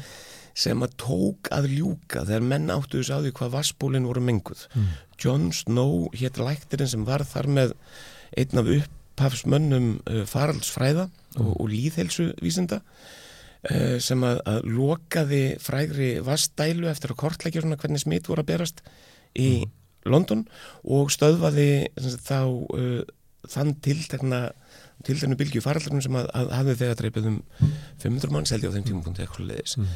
Og vaskerfi uh, borgarna voru endur skipulegð eftir þetta? Akkurat og í dag er búið að, að, að festa kröfur um vaskæði, um reynd og ómengað vatn og góðar pípulagnar og frammeðis, svo rækilega í alltfjóða skuldbytningar, lög og reglugjarur, við göngum fullkomlega þessum vísu að vatnið sem við drekkum eh, ger okkur ekki lasin og ég held að við sem samanlega með þessu sko, tölur lífskeiði mm. þrátt fyrir kostnaði sem fælst í að sko, hafa pípulagnir í lægi, vassbúlin, þú veist, eitthvað eftir. Það er enginn að leggja til að fara tilbaka? það held ég einmitt ekki hins vegar á sínum tíma þá skrifuðum henni dagblöð í Breitlandi sko um að hérna það verið sóun á fjármæl já, ég vil ekki láta þvinga sí að taka til heima á þessir mm. og, og, og fleira líka sko mm. semst, þið þrýf bara almennt og sluðis mm. semst það, það gera sambundskonu á áttak í loftgæðum eins og vaskjæðum það er uh, ein hugmynd sem er nokkuð ábyrrandi í þessum hópum sérfæðingar sem fylgjast með og tjá sig um málinn mm. að uh, gæti skipt sköpum og hérna já, ég, einmitt, já mm. ég, ég veit ekki hvort ég sko meira til Ná. þess að leggja Ná. nema að, að, að hérna að ég held að sko einmitt við höfum læst okkur hugarsarslega í þeirri hugmynd að við þessari ógt séu bara til tvö viðbröð sem séu semst, annars vegar að, að frósa mm. sem fólk talar um sem við höfum öll verið læst inn í tvö ár sem var ekki tilfellið en, en samt svona, svona eða ger ekki neitt og láta eins og hættan sé ekki þannig mm. uh, og hvernig sem það útfærist hvort sem það er með sko bættum loftskeðum innan að fyrst og fremst hvernig sem tæknilega útfærslan er að þá held ég að fyrst þýrst að koma til sko með viðurkenning þess að við stöndum fram með fyrir sameinleiri vá En er ekki svolítið langt í það högur að ég býst við það því að þú gengur stundum með grímu. Að þú upplifir það sem að þú kemur inn með grímun að, að þú setja eins og svona óg fyrir hópin að þú fær svona viðbröð fyrir hópinum eins og þú setja ekkert endilega, fólk sínir þessu umbörðarendi og svona, þú veist, ég, það er mestalega kannski smá auggotur, eitthvað þannig. Ég nota grímu í almannarými innandýra eða semst í verslunum já, og svo leiði sko. Þú ert svona jæðar, þetta er jæðarhegðun uh, þetta er ekki almennt Já, en, en sko, þú veist, ég vil ekki mitt, mitt heilsufar kemur almenning ekki við, ég vil ekki fara að tala um það Nei. en ég, sko Sagt, þegar byrstast fréttur um að hinn og þessi hafi orðið ítla úti en það hefur líka verið eitthvað undirliggjandi á viðkomandi mm. þá er það mjög stórt mengi af mm. undirliggjandi kvillum sem getur verið um að ræða mm. uh, og hérna og þannig er sko önnu fréttum byrstist á rúf dægin fyrir þess að um, um 400 döðsvöldinni fyrra var fréttum sko allar sem að ástæðu lausu sér en þá að fara varlega. Við, við meigum en þá sko og það var þá tótni í fréttinni eins og það væri að tilhefnislösu já, já. Og ég held að sko Það eftir kannski þetta fólk væri þetta laga ekki með því að breyðast við COVID heldur breyðast við svona bara uh, sálfræðilega við ástændi Já, þetta er svona sálfræðivægt sko einmitt, einmitt, og, og það, þú veist, það er alveg rétt að ég held að svona í þeirri umfjöllun frá þeirri lið að þá er auðvitað þægilegt að sko líta á þá sem að uh, þau sem að sést að, að taka upp eitthvað á varnin sem þau hrættu og sem sko irrational en til að gera það það þarf að hunsa ansi margar staðrindir mm. um, en þetta sko staðrindar eru, eru síðan daldið erfiða við þá það er til með alls svona gagnavísta manna viðkvæðið sko you don't bring data to a story fight. Og ég held að, að, að þú veist það er líka við erum stött í sögu sem við erum Já. að segja okkur. Það er svona alltaf að segja að þú ert sérfræðingur í, í því, þú ert rítvöndur ég, ég, ég legg mig eftir að kunna eitthvað ja, og þá erum við eru stöndir í þessari sögu. Og sömuleiti mætti kannski segja að, að það er nú mannlegt að hérna, vera með svona afnittunga hvert auðanum og ógninni og öðru slíku. Þannig að viðbröð hópsins sem þú ert að lýsa þetta er náttúrulega þetta ætti ekki að koma inn um óvart að svona bregðist fólk nei, nei. við og það að fá fólk til þess að horfast í augu við hættuna og bregðast uh, rationál við, það er svolítið mikil krafa á þessa sögu personum sem við erum með sem er mannskjarnan sko. Já, en, en það er náttúrulega fleira sem að, að sko spilar inn í uh, og eitt af því eru hreinir hagsmunir eða hreinir, margslungnir hagsmunir auðvitað sko var ekki lítill þrýstingur frá ferðaðina ennum á sínum tíma að slúta öllum mm. um, sótturnum, mm. draga allar saman svo hefur fólk náttúrulega sko mjög skýra hagsmun af því að, að vera ekki frósið af óta í tilvörunni og þar kannski sko er einmitt þessi gildra sem lendum í sko er kannski skiljalega hugarfarslega gildran það sé spurningum að frjósa eða hunsavandan sko. Átökið þannig að milli voru svolítið augljós í þess framhanskólanimum sem að voru bara að segja að þau gætu bara ekki lengur verið í þessari sko að, fyrir, að vera frist En sko eins og Solveigarna, ég, ég sá nú ekki allt viðtal við hann en, en ég sá hann myndist af henni áðan sko en þetta bara, þess að hæfni mannskefnar í að taka höndunum saman við að leysa vandamál sem grundvallaratrið Já, grumsalega mikið. Og afsakaði? Það er grumsalega mikið afl að já, maður getur já, þetta. Já, það er alveg svakalegt afl sko. En ef hann hefur samstöðuna til þess að gera Og ég held að þessi skrítið, ég held að þessi meiri sé að sko það væru undarleg tímamót ef við föllumst á það í þessu tilfelli að það sé ekki þess virði eða, eða við getum það ekki eða við nennum því ekki eða það sé ekki sko, það sé ekki neins að vinna uh, ég held að sko það að lífslíkur samfélaga læki mm. verulega jafnvel, í fyrsta sinni hundrað ár eitt og sér er, uh, nú búin að nota hann á mælikvarðan nú lengi á framfarir mm. sko hversu fól, lengi fólk lifir. Mm. hérna á Íslandi við erum mjög stolt af því að eiga þetta sko met í, í, í hérna æfirlengt sem við eigum reyndar ekki lengur við erum lungum að missa. En, en þetta er einn stær sem við eigum þá svona alfarða hunsa núna sko að, að, að breytist. Mm. okay, það, það, þá getur óskikjan sem hefur aldrei verið að stýra okkur og skiljanlega eins og þú segir sko þá getur hún sagt ok, ég menna þú veist hver vil lifa eftir nýrætt? Sem þú veist hunsum Sigurún Björnsson og þýðingarnar hann sem hann er búin að vera að klára upp og um allt sem fólk gerir eftir nýjast hundsum að tilverðan getur verið einhvers verið þó að maður afregi ekki neitt og svo fram með sko, en, en þá fólk líka, ég myndi að segja sko, að, að það séu vondu árin sem eru klifta af mm. en ekki að við öldrumst og veikjumst aðeins fyrir sko, það séu við höldum vondu árin og góðu árin fæki mm. sem að margt bendir til að séu raunin að þú ert að vísi þetta, þá er náttúrulega umræðu þetta er alveg fullkomlega marklu sko. það er náttúrulega helling af úlingum sem að geta ekki séð fyrir sér að þessi líf eftir þrítútt sko. Íllandir fannst það fráleitt að vera líf eftir 64 ára þannig að það náttúrulega, og... það getur engi ráðstafa lífi annara þannig að, að fólk sem er að tala um að fólk sem er eldri nýrætt hafi ekki rétt á lífinu, það er náttúrulega bara siðlus afstafa og þá vil ég líka gæta mín sko, ég er að endur segja núna sko þetta hérna niðurtal sem hefur verið í gangi. Mm.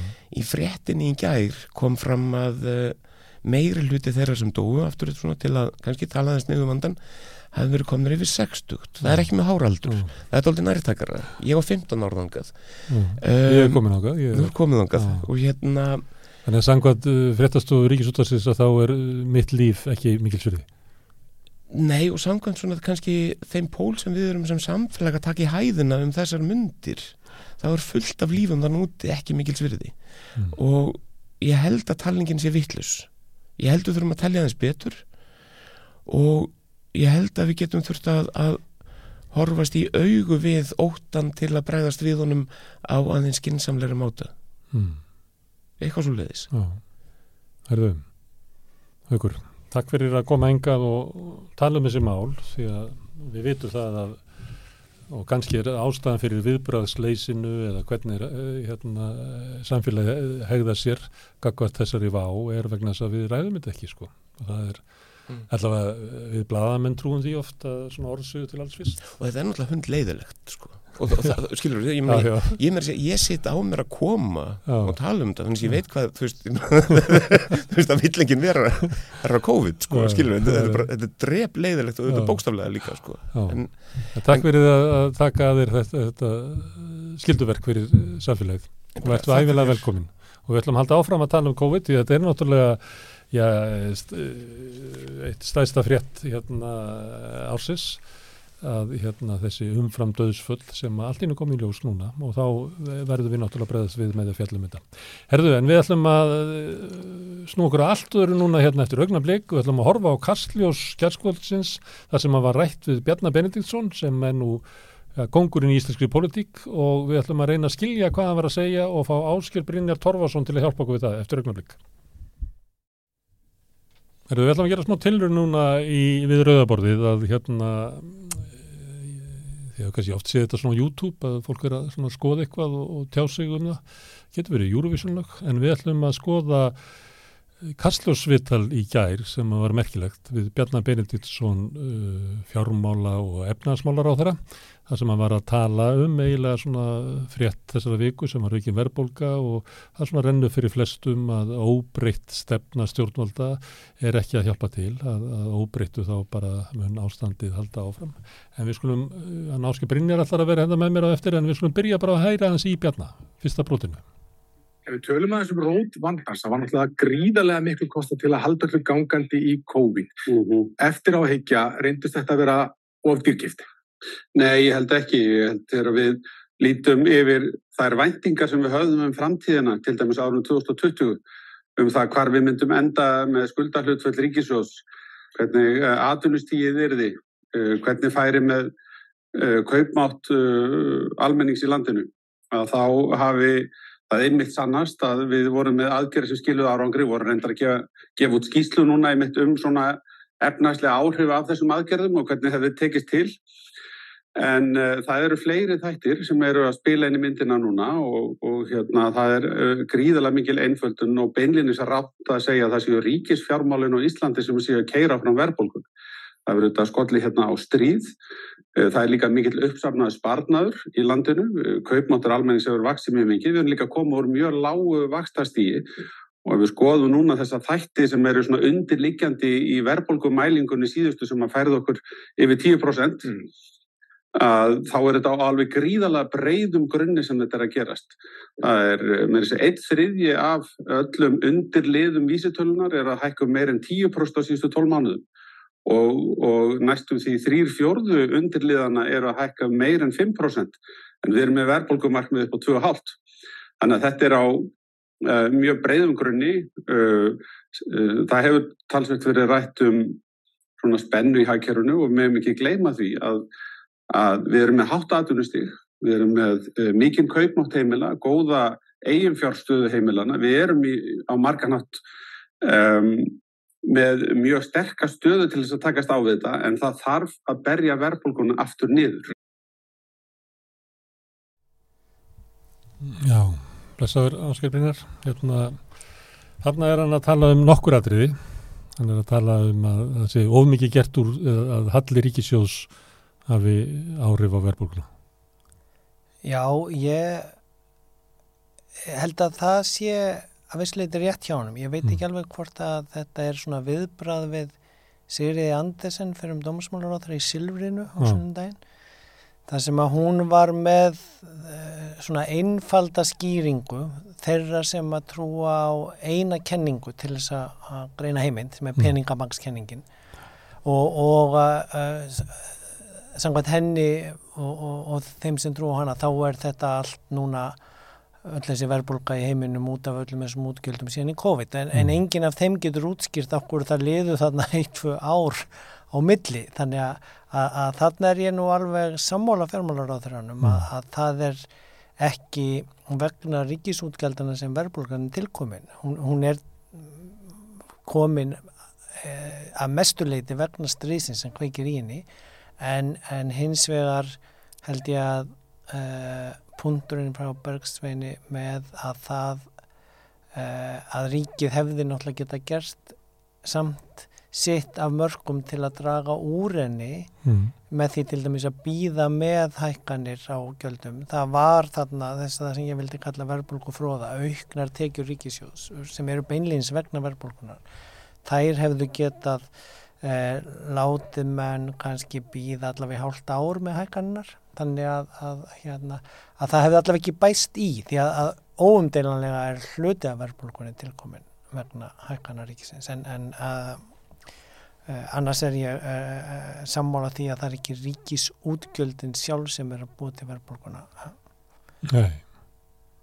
Þannig að Þetta er rétt hjá honum að Bergsveit spyr hann hvort það hefur á dýrkift aðgerðnar í COVID.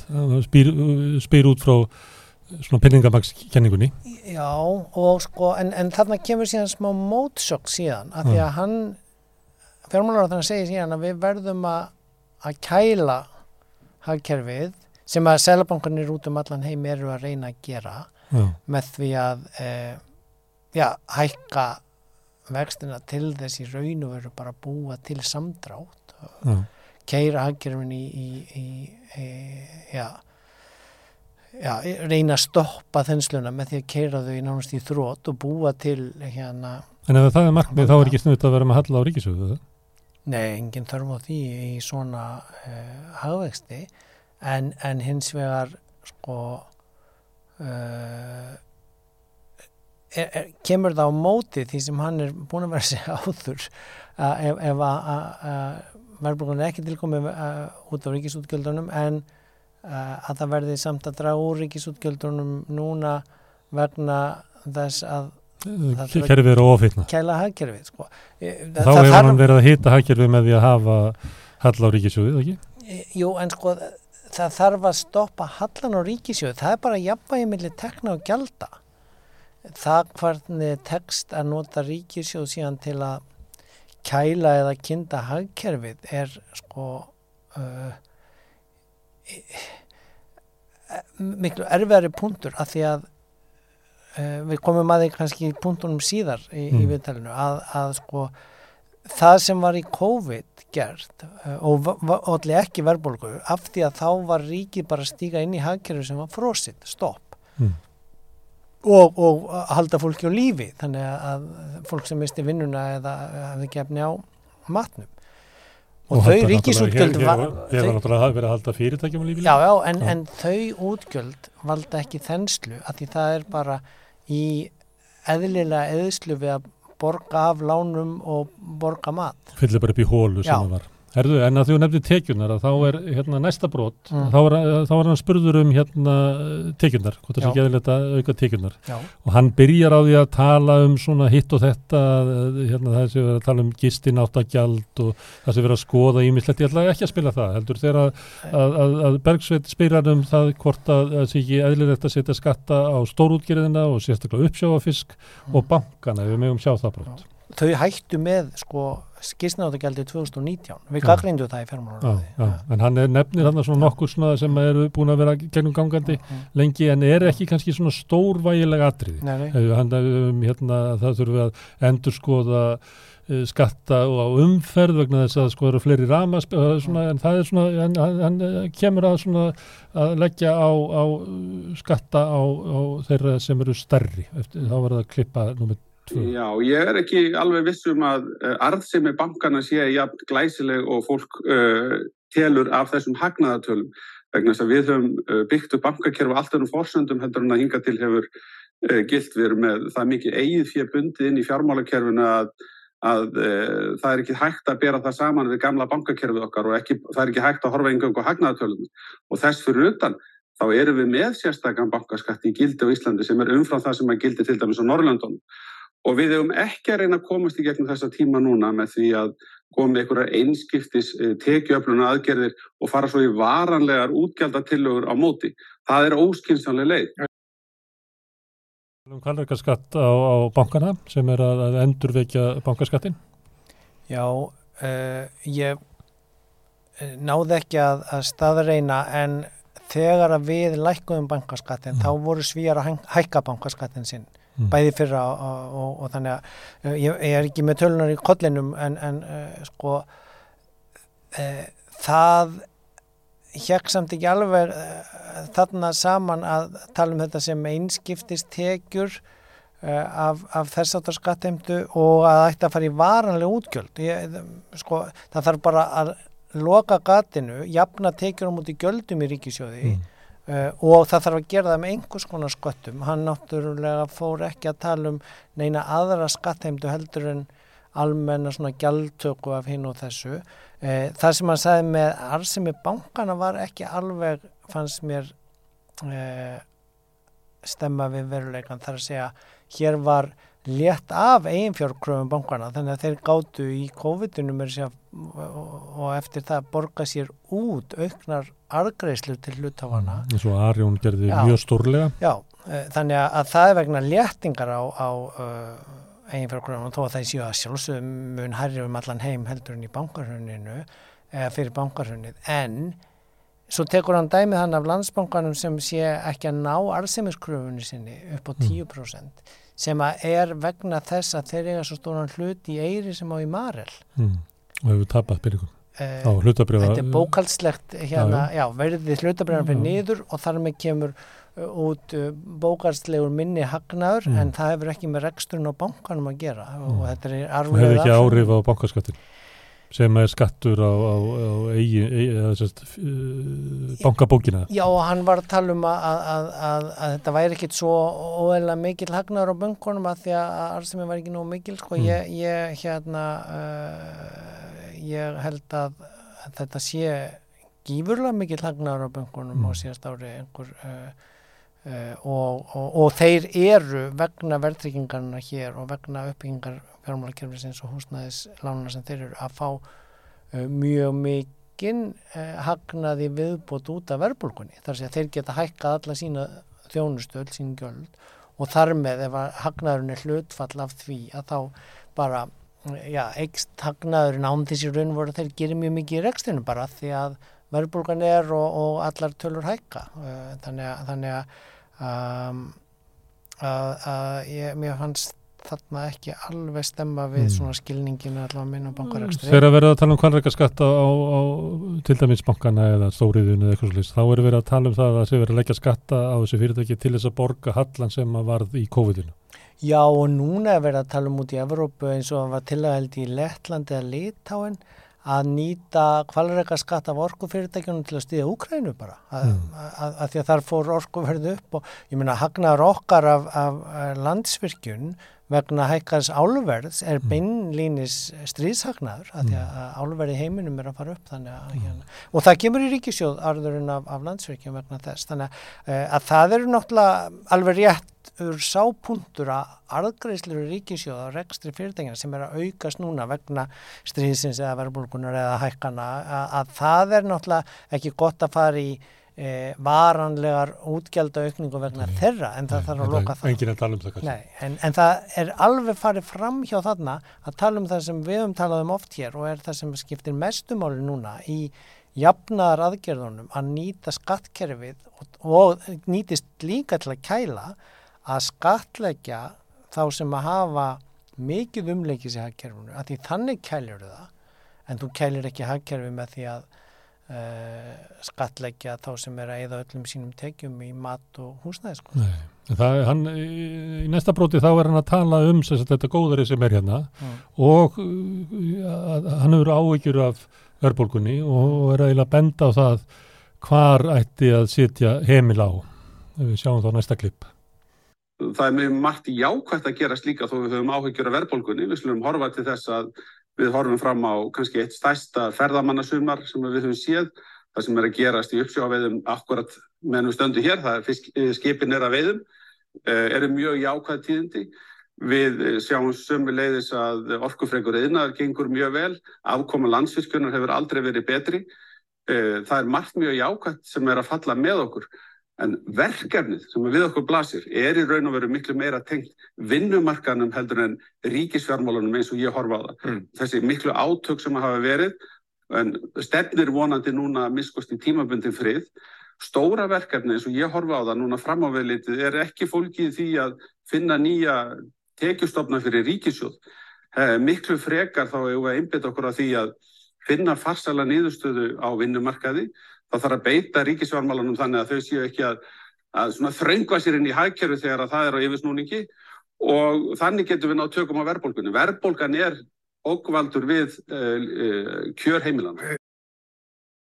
Það er svona línan, uh, það er aðhaldi ríkisrækstri og að koma einhvern veginn í vekk fyrir það að launahækkanir verða ómiklar.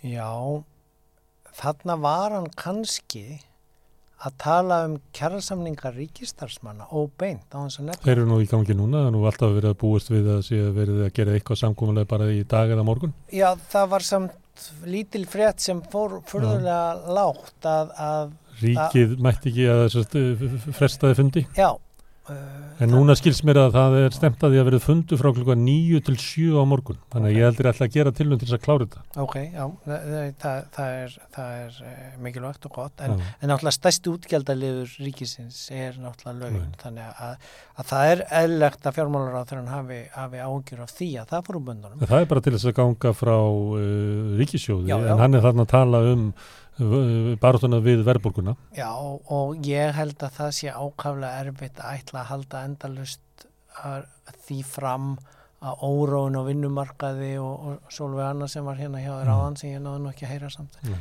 sé ástæða verðbólgunar e, e, og e, hérna nú svolítið að tala um það að verðbólgu væntingarnar er að menn búast við að sé svona framundan að óróin valdi því að mm. Menn haldi að sé verðbólga framundan og fristist þess að hækka verð þá? Já, sko, ég á mjög bátt með að sjá að verðbólgu væntingarnar hafi farið upp eh, í síðustu mælingu eða í tengslu við hana vegna uh, þessa eblingaverkfall sérstaklega. Ég, ég, ég held að það sé miklu frekar, þetta eru hækkanir sem vorum áramótin, þetta voru mm. hérna, miklu frekar orðræðan allt síðast ár sem að hafði þessa hættulegu útkomu að uh, já, fyrirtækin hækkuð aðeins meira. Auðvitað líka því þau voru að búast við uh, auknum launútgjöldum af því að það voru náttúrulega orðin uh, já, vaksandi verðbólka þannig að það var viðbúið að laun þegar myndu reyna að vinna það upp. En, en sko það er ekki vandi ef að vörur hækka um 6% og laun hækka um 6% að þá er sko, það er ekki verbulguvandi það er bara óbreytt ástand sko, og, og, hérna, og ef að laun hækka um 6% en verðið hækkar um 7-8% þá er það 1-2% kjærakskerning En hann talar alltaf út frá því að sko, verðið hækkar um 6% af því að launin hækkar um 6% þess vegna ef við myndum bara ekki hækka launin þá myndi ekki verbulgu vera. Já, já uh, þetta er svona uh, þetta er sko, ég held við verðum bara að segja það beint út. Ég meina verbulga eins og núna í heiminum þetta er náttúrulega bara stjættabaróta mm. Og það kemur mjög skýrt í ljós í öllu þessu viðtali að, að e, já. Hvorum meginn Ríkjar hann er í stjættabartunni Já, já, ég meina að það verður bara að segja hlutin eins og það eru. Að, að, að það, það er það sem þetta snýstum að því að e, sko í raun og veru ríkisútgjöld að við sann átt betri til að kljástu við verðbólguna heldur en þessar vakstækanir ef maður, ef maður sko vil fara út í svona postkynsísk hagfræði sem við hefum ekki tíma til hér en, en, en, en punkturinn sko er samt sá Það verður klókar að leggja á skatta þetta og hækka vexti Já, ég menna, ég er búin að vera að segja það hér mm -hmm. ítrekka hjá þér mm -hmm. og það þurfa að vera skattar sem að beinast á þá sem er eðamestu liði sem er að búti þensluna mm. það, það að fólk kaupi jafn mikið að hafragröð fyrir hærra verð er ekki að búti þenslu þó að eh, heilsalanir á haframjöluna hefur hækka verðið það að fólki sé að eða meira í húsnæðarlegu eða lán e, býr ekki til þenslunum að meiri hagna bankana. En hvað býtir þenslu? Er það uh, pallanir við, við einbílisúsin eða? Já, ég meina, uh, hagvöxturinn sem er hérna, hvort sem það eru ferðamenninir eða loðnan eða, ég meina, að, að bara öll umsöfin eh, mm. og, og sko, þetta er alþjóðlegt eh, mjög áhugavert hagfræði atriði núna mm. eftir COVID, af því það er viss klemma þann á milli að það er skortur á vinnuafli uh, og verðbólgan fann í gang þannig að það, það verður í raun og veru að hækka lundlan á í vinnuafla mm. þannig að sko það er svo mikið að hagfræðimótunum sem er ekki að ganga upp þú mannst sko einu sinni var að tala um þrjár meginkenningar um verðbólguna, mm. eini er peningamakkskenningin sem við vorum mm. ágreðað á hann og svo er það væntingakenningin Peningamakkskenningin er eitthvað sem að Bjarni eh, hafnar en notar svo stuttu síðan ok, nummið tvö er væntingarnar mm. sem að sko er mjög slæmt ef það er fyrirtækja megin en það hvort að þær séu tilkomnar vegna svolítið önnu eða, mm. eða Bjarni heldur eiginlega fram já, að, að uh, kröfur á vinnumarkaði íti undir verðbólgu en þess að fyrirtækin fara að búa sundir þá sapna með því að hækka verð já, já, eða með einföldunar, ég er ekki að segja hann segja þetta og, og, og, og kannski er hann hrættu við hérna varnarmála sérfrængin sem fer fyrir BHM og, og er að fara í hérna uh, að berjast fyrir ríkistansmanna. Þriðja?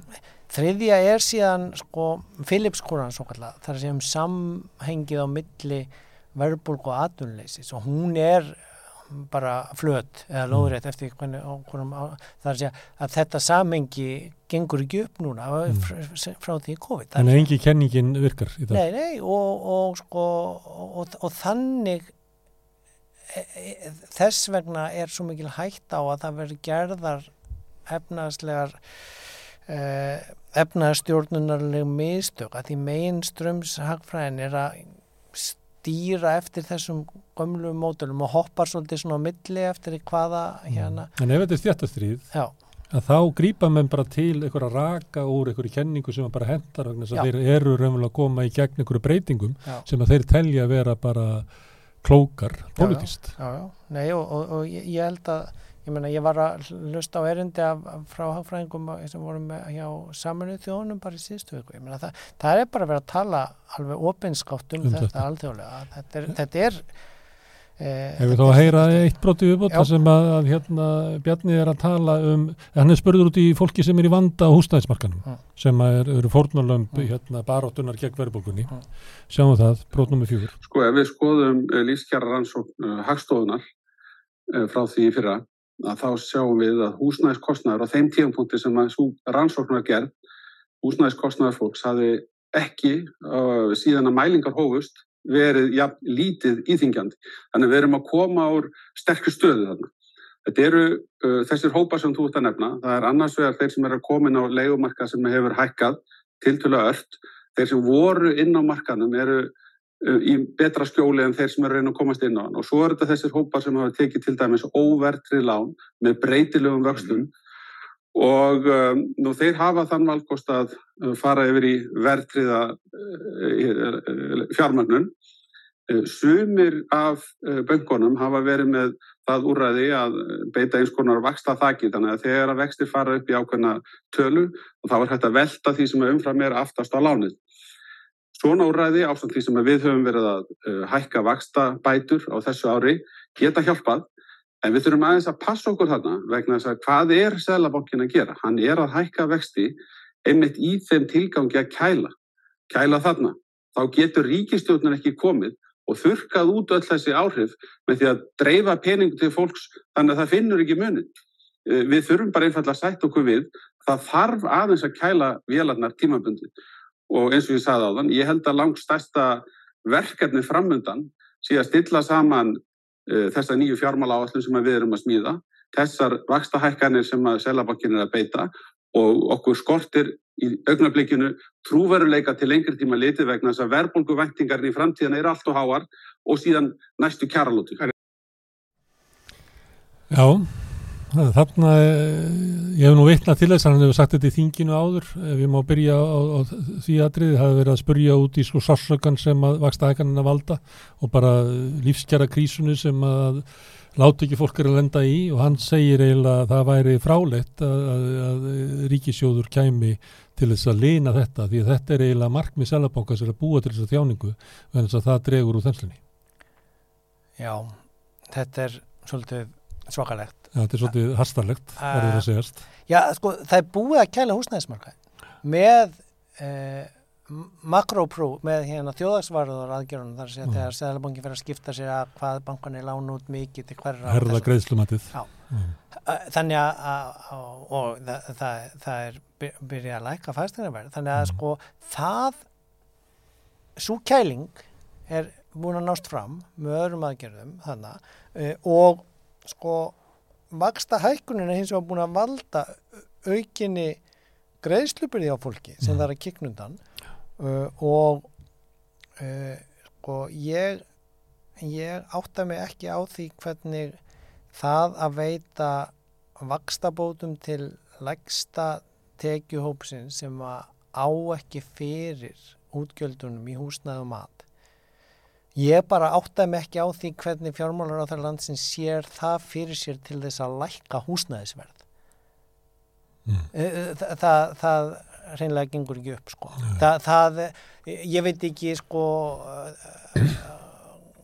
hvað líka, líka gerir svolítið mikið úr hækkun á vakstabótakerfinu sem var sára lítil, sérstaklega í ljósið þess að það er búið að brjóta þetta kerfi niður. Sko. Já og sko ég var sko tölur út af strísmárunum framlög Evrópulandana til þess að slá á orkuverskostnæðin var tífalt meiri en framlögin þeirra til stríðsins í Úkrænu.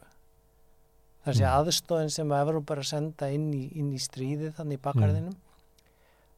er eitt tíundi af aðstóðin sem að ríkisjóður í Evrópu veittu sínum þegnum mm. vegna auknu útgjaldana þeirra mm. vegna stríðsins.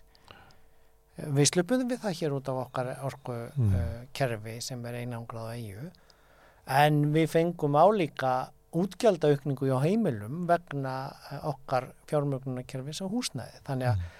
uh, og settum eitthvað um, já, í mjög, mjög litlum skala í því samanbyrði við, við, þegar útgjaldaaukningu var að einhverju sveipuðum toga hjá heimilum að þá, þá gerður ríkisjóður út í Evrópu margfald meira heldur við hér.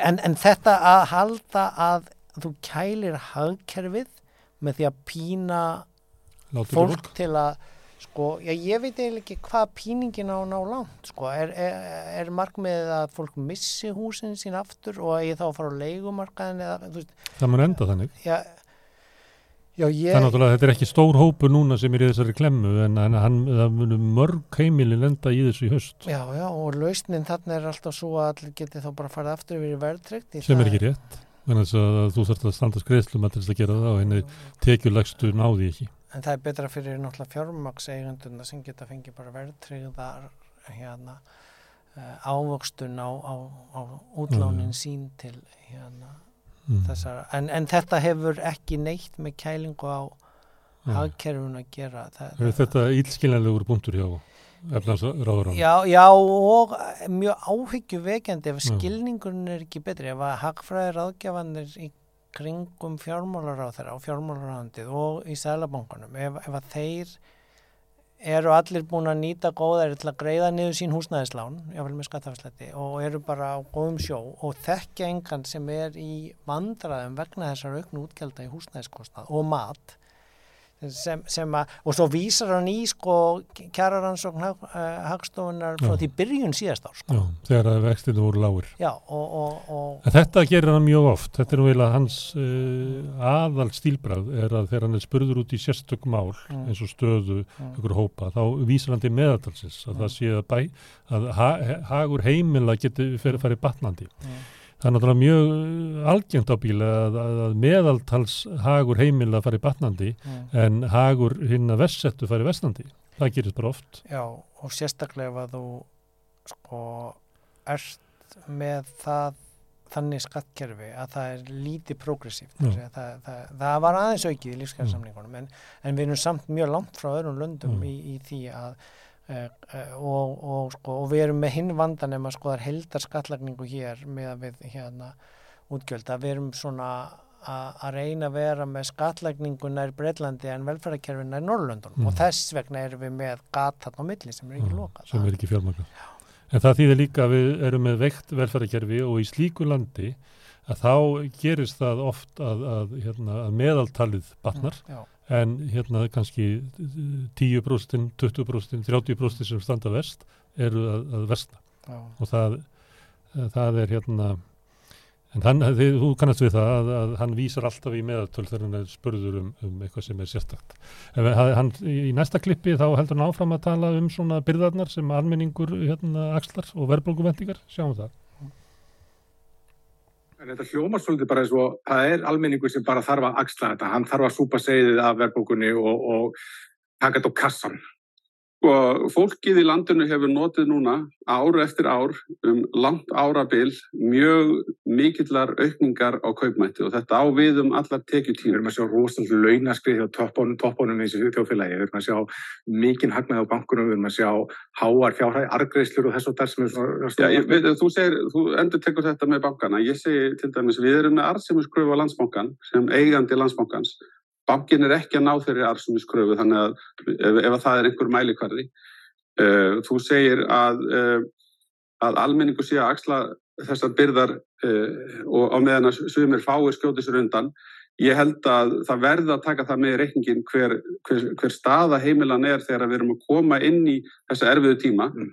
og bóðskapurum minnir einfallega þessi að við getum unnið í þessari stöðu þannig að við séum núna við svona topp verðbólgunar eitthvað staðar á þessum slóðum og við getum náðinni til til að hratt niður. En til þess þurfa þessar framtíðar verðbólguvendingar að breytast.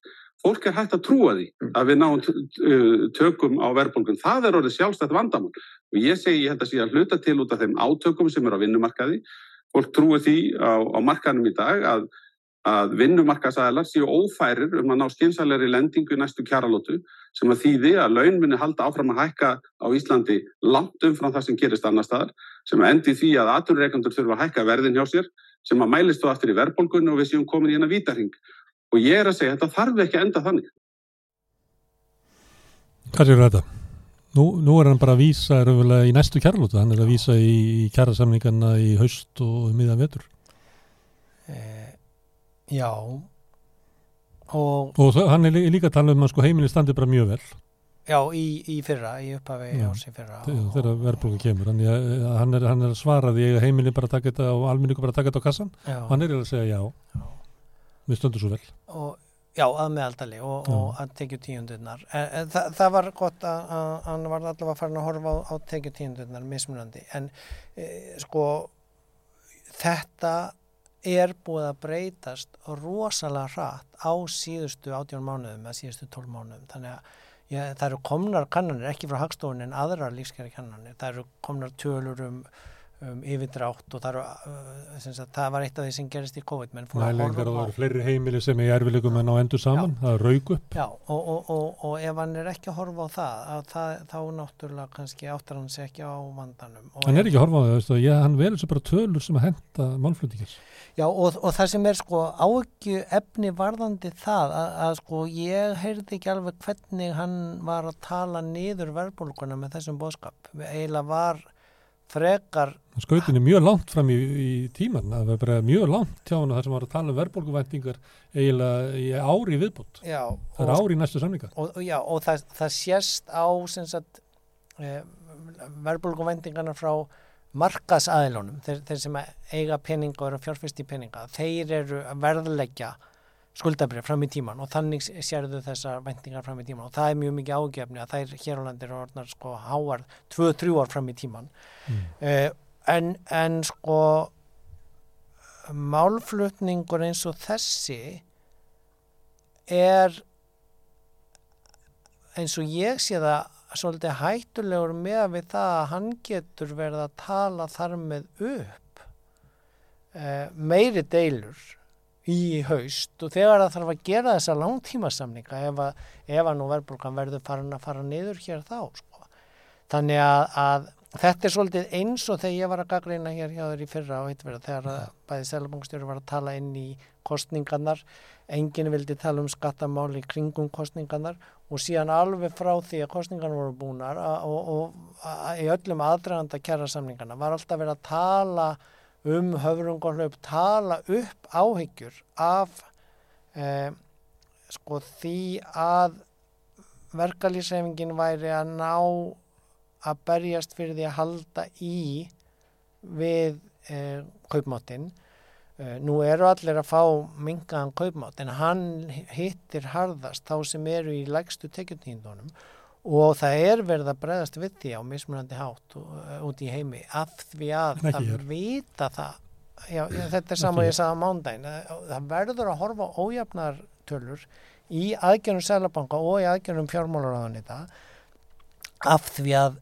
annars eiga menn á hættu að fá bara óeirðir. Það er það sem var ástæðan fyrir að var að tala um inngildandi vöxt, inclusive growth frá IMF, OECD World Bank, þú veist, öllum þessum stopnunum frá 2016 þegar, þegar menn voru búin að sjá greining og hrunum voru búin að sjá óróan uh, Brexit og Trump og flera þess að það sem að síndi alveg hvernig hérna hættan var á því að, að þú tapir stjórninni. Þannig að, að sko uh, ég hef tölverðar áhyggjur sko að því að í staðin fyrir að tala um höfrungarlaup og í staðin fyrir það var svolítið svona bendileikurinn búin að vera, mm. þú veist, segl og bendir á fjármálóndi eða fjármálóndi og segl og það, það er þá hægt en Báðu bend á vinnumarkaðin? Nún er farið að benda þarna einhvern veginn eh, sko og það, ver, það, það er miklu betra að tala reynd út um hlutinu það eru eins og Bergsvinn sagði það eru allir að taka við kjæraskenningu núna mm.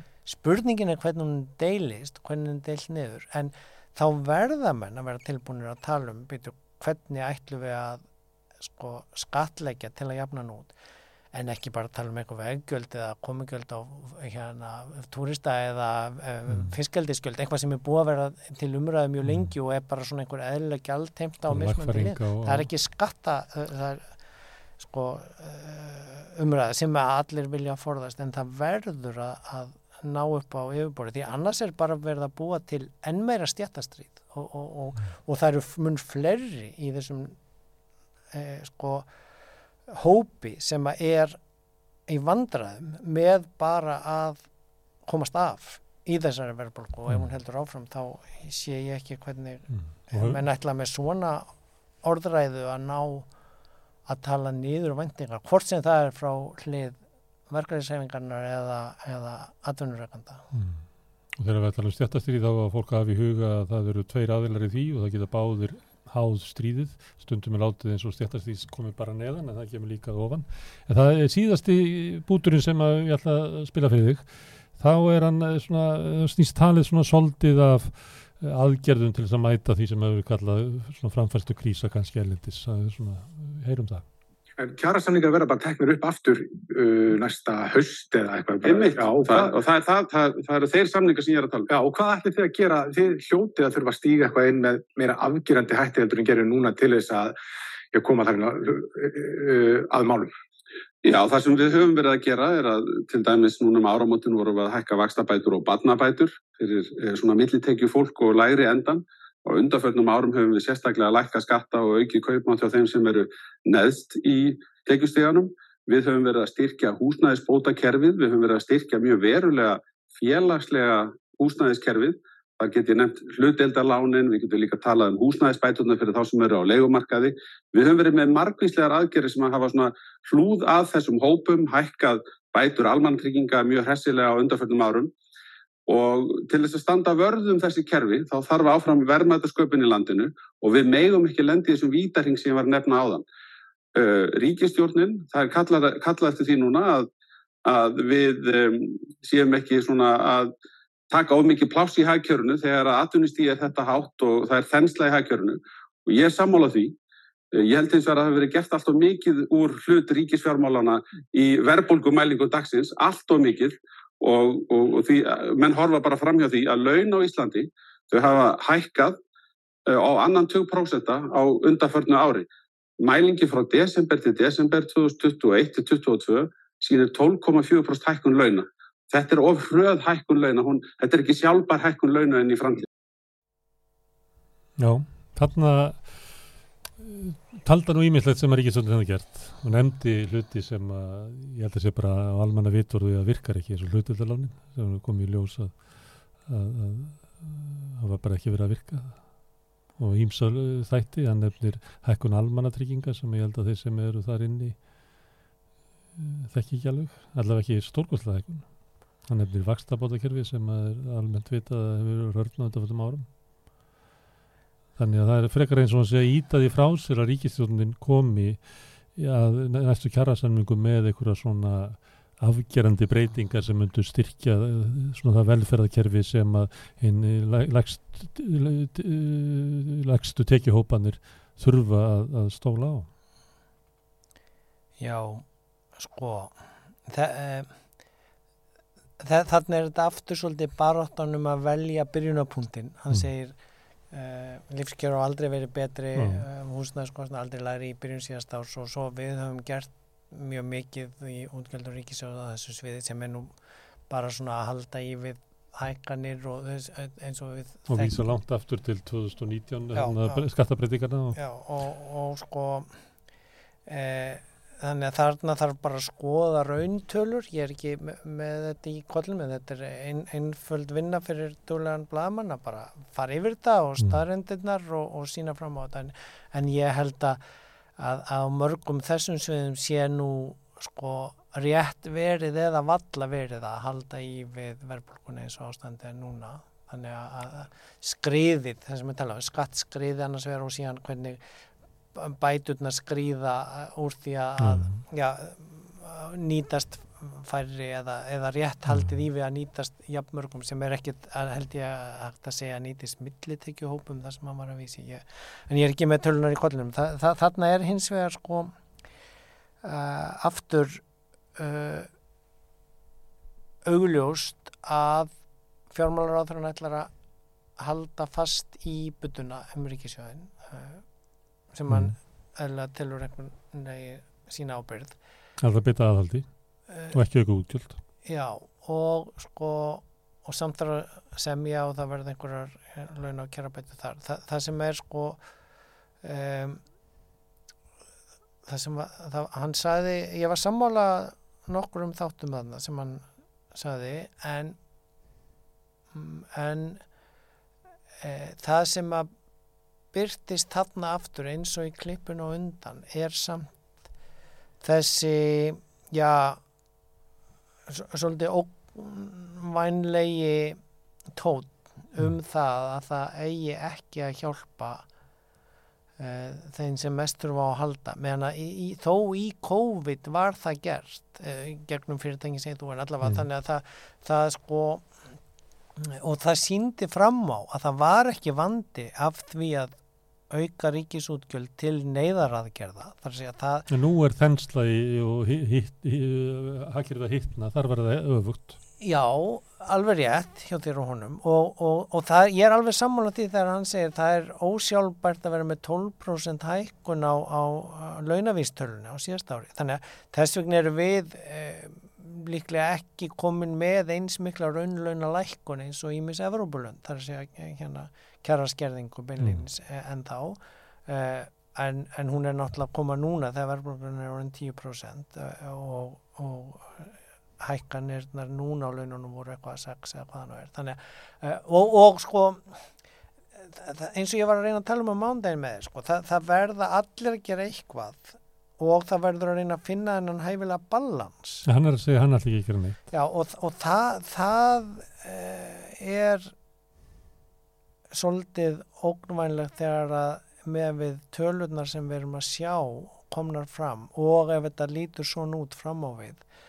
að þá er bara að fara að aukast í þeim hópi sem er í vandraðum með að eiga fyrir mat og húsnæði mm. þannig að, að sko uh, að, að, að það er eitthvað og síðan hvernig langtíma kjærasamlingarnir er að nást saman í svona því ég var búin að sjá fyrir mér að þar er það að koma til skattkerfisbreytingar aðlaganir og heldar stefnumótun breyting á húsnæðiskerfinu langtíma uh, aðgerðir á uh, ríkisjóðsliðinni til móts við að nei að, að vinnuveitendur taki á sig ákveðin þátt og mm. síðan auðvitað líka allir launþegar sem taka á sig einhverja prósentur. En ef ríki kemur ekki hérna inn með eitthvað, að þá mun uh, launafólki þurfa að sækja alla kjartaskerðinguna sem hefur orðið fyrir til hekkari launa. Já, sko, þú lifir ekki í dag á, á, á kjarabótunum sem kom í fyrra, sko.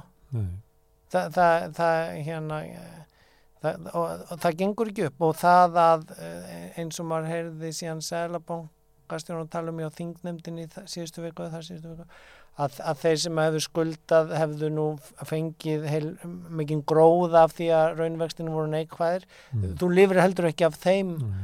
gróða og þú, þú selur ekki svo auðveldlega eitt herbergjur íbúðinni eh, til að eiga fyrir áborgunum og, og, og ég færði jáfnvel ekki annað greiðslum að jáfnvel þú muni minka við þig þegar vextinu er komin svona upp þannig að mér finnst svolítið ískikilegt hvað það virðist vera uh, lítil sín á hvað þessi gífulega mikla verðbólka er að valda gífulega miklum skada á húsnæðiskostnæðinum mm. hjá gífulega mörgum og vaksandi mörgum. Þannig að, mm. að, að það eh, vekur vissan ugg ef að, ef að það á að já, reyna að kæla hagkerfið eða valda ekki þenslu með ríkisútgjöldum með því að já, styðja ekki e, fólk til þess reynilega að, að lifa af í gegnum verðbólku stormin sem er ekkert minni stormur en COVID-stormurinn. Verðu, mm. Álger, takk fyrir að koma engað og taka þátt í hvað við kallum þetta, hagfræði kastljósgagrinni varðandi það að við erum að horfa svona á kastljósið. Og það er svolítið aðeins þetta viðtala að, að, að hérna þú segir að það ætti ykkur blagamar að fara og staðrind að tjekka það að hann leggur fram alveg ótrúlegt magn ef maður myndir sko setja þetta upp í línur. Og þá er hérna þetta er svo mikið sem hann er að reyna að koma að. Já og maður veldi fyrir sem maður að horfa á þetta hann fyrir að bara fengja spurningarna fyrirfram og að æfti þetta. Mm. hvað, hvað tilfinningu hafið þú fyrir þessu? Að, að því að raunverulega kemur engi spurningum á óvart og það eru allar svona öll svörin eru svona merti hann er að tróða alls konar svona upplýsingum inn í þar að sumuleiti var þetta eins og einhvers svona leikrit bara En fína spurningar, já, já, mér fannst, mér fannst Bergsveit vera með mjög goða spurningar og mér fannst þetta miklu áhugaverðara viðtali heldur en síðasta viðtali þegar hann var Það var að rýfast við Sigurdur Já, forman Blagamannafélagsins en, en nei, nei, og ég, ég náttúrulega veit að vinnan við fjármála áallun er á fullu gangi núna, mm. það þarf að leggja hana fram í lokmars fyrir mm. 1. apríl. Þannig að, að það er verið að það er þessi nýja umgjörð. Og ég var alltaf að, að, að hérna, vinna við það sístu 6 ár að lesa þá áallun og gaggrina hana. Þannig að það verður mjög uh, mikilvægt plagg þegar það kemur fram núna í lokmars eða, eða í byrjun 1. apríl síðastlega þannig að um, hann er bara með þetta vel á taktinunum því það er mm. greinlega verið að vinna í þessu fullu. En, en, en, en Bergsveitin var, var vel undirbúin, ég vona Rúf eh, leifið að þið byrtið svona klippunar úr því á YouTube tilkynnt. En þetta var skemmtilega æfing að fara svona yfir, ég vona að þetta hafi verið gaglegt fyrir áhörundur. Ég, ég hefði gaman að því og tristi því að sé ykkur að núti sem hafi allt líka gaman að því. En núna ætlum við að raunverulega halda áfram að tala um sama mál og, og enda og kannski í framhald af því sem að Áski Brynja var að segja hérna áður en að ég fór að spurja hann um hérna, uh, uppsetningun á viðtali sem eru húsnæðismálin. Og ég tók nefnilega fyrir í dag uh, viðtal við Óla Margesson, hagfræðing um verðbólguna og annað slikt og hann er sérfræðingur í húsnæðismálum og það kemur fram svona hans sín á verðbólguna og hvaða leiðir eru til þess að Að, að uh, vinna á henni. Og það ætti kannski ekki koma fólki óvart að það er húsnæðismál, húsnæðismál, húsnæðismál. Ólaður Margesson eftir augnablik. Það er verðbólgan og að ja, hvað er það að segja, efnagsstjórn landsins er ekki að virka. Þetta er orðin til hér verðbólga. Og til að halda áfram að ræða þetta þá er komin á línuna Ólaður Margesson sem er í Sviss, verður velkomin Ólaður Takk fyrir það. Það er eiginlega bara fyrsta spurningin á hverju er verðbólgan að aukast og hvaðan kemur hún?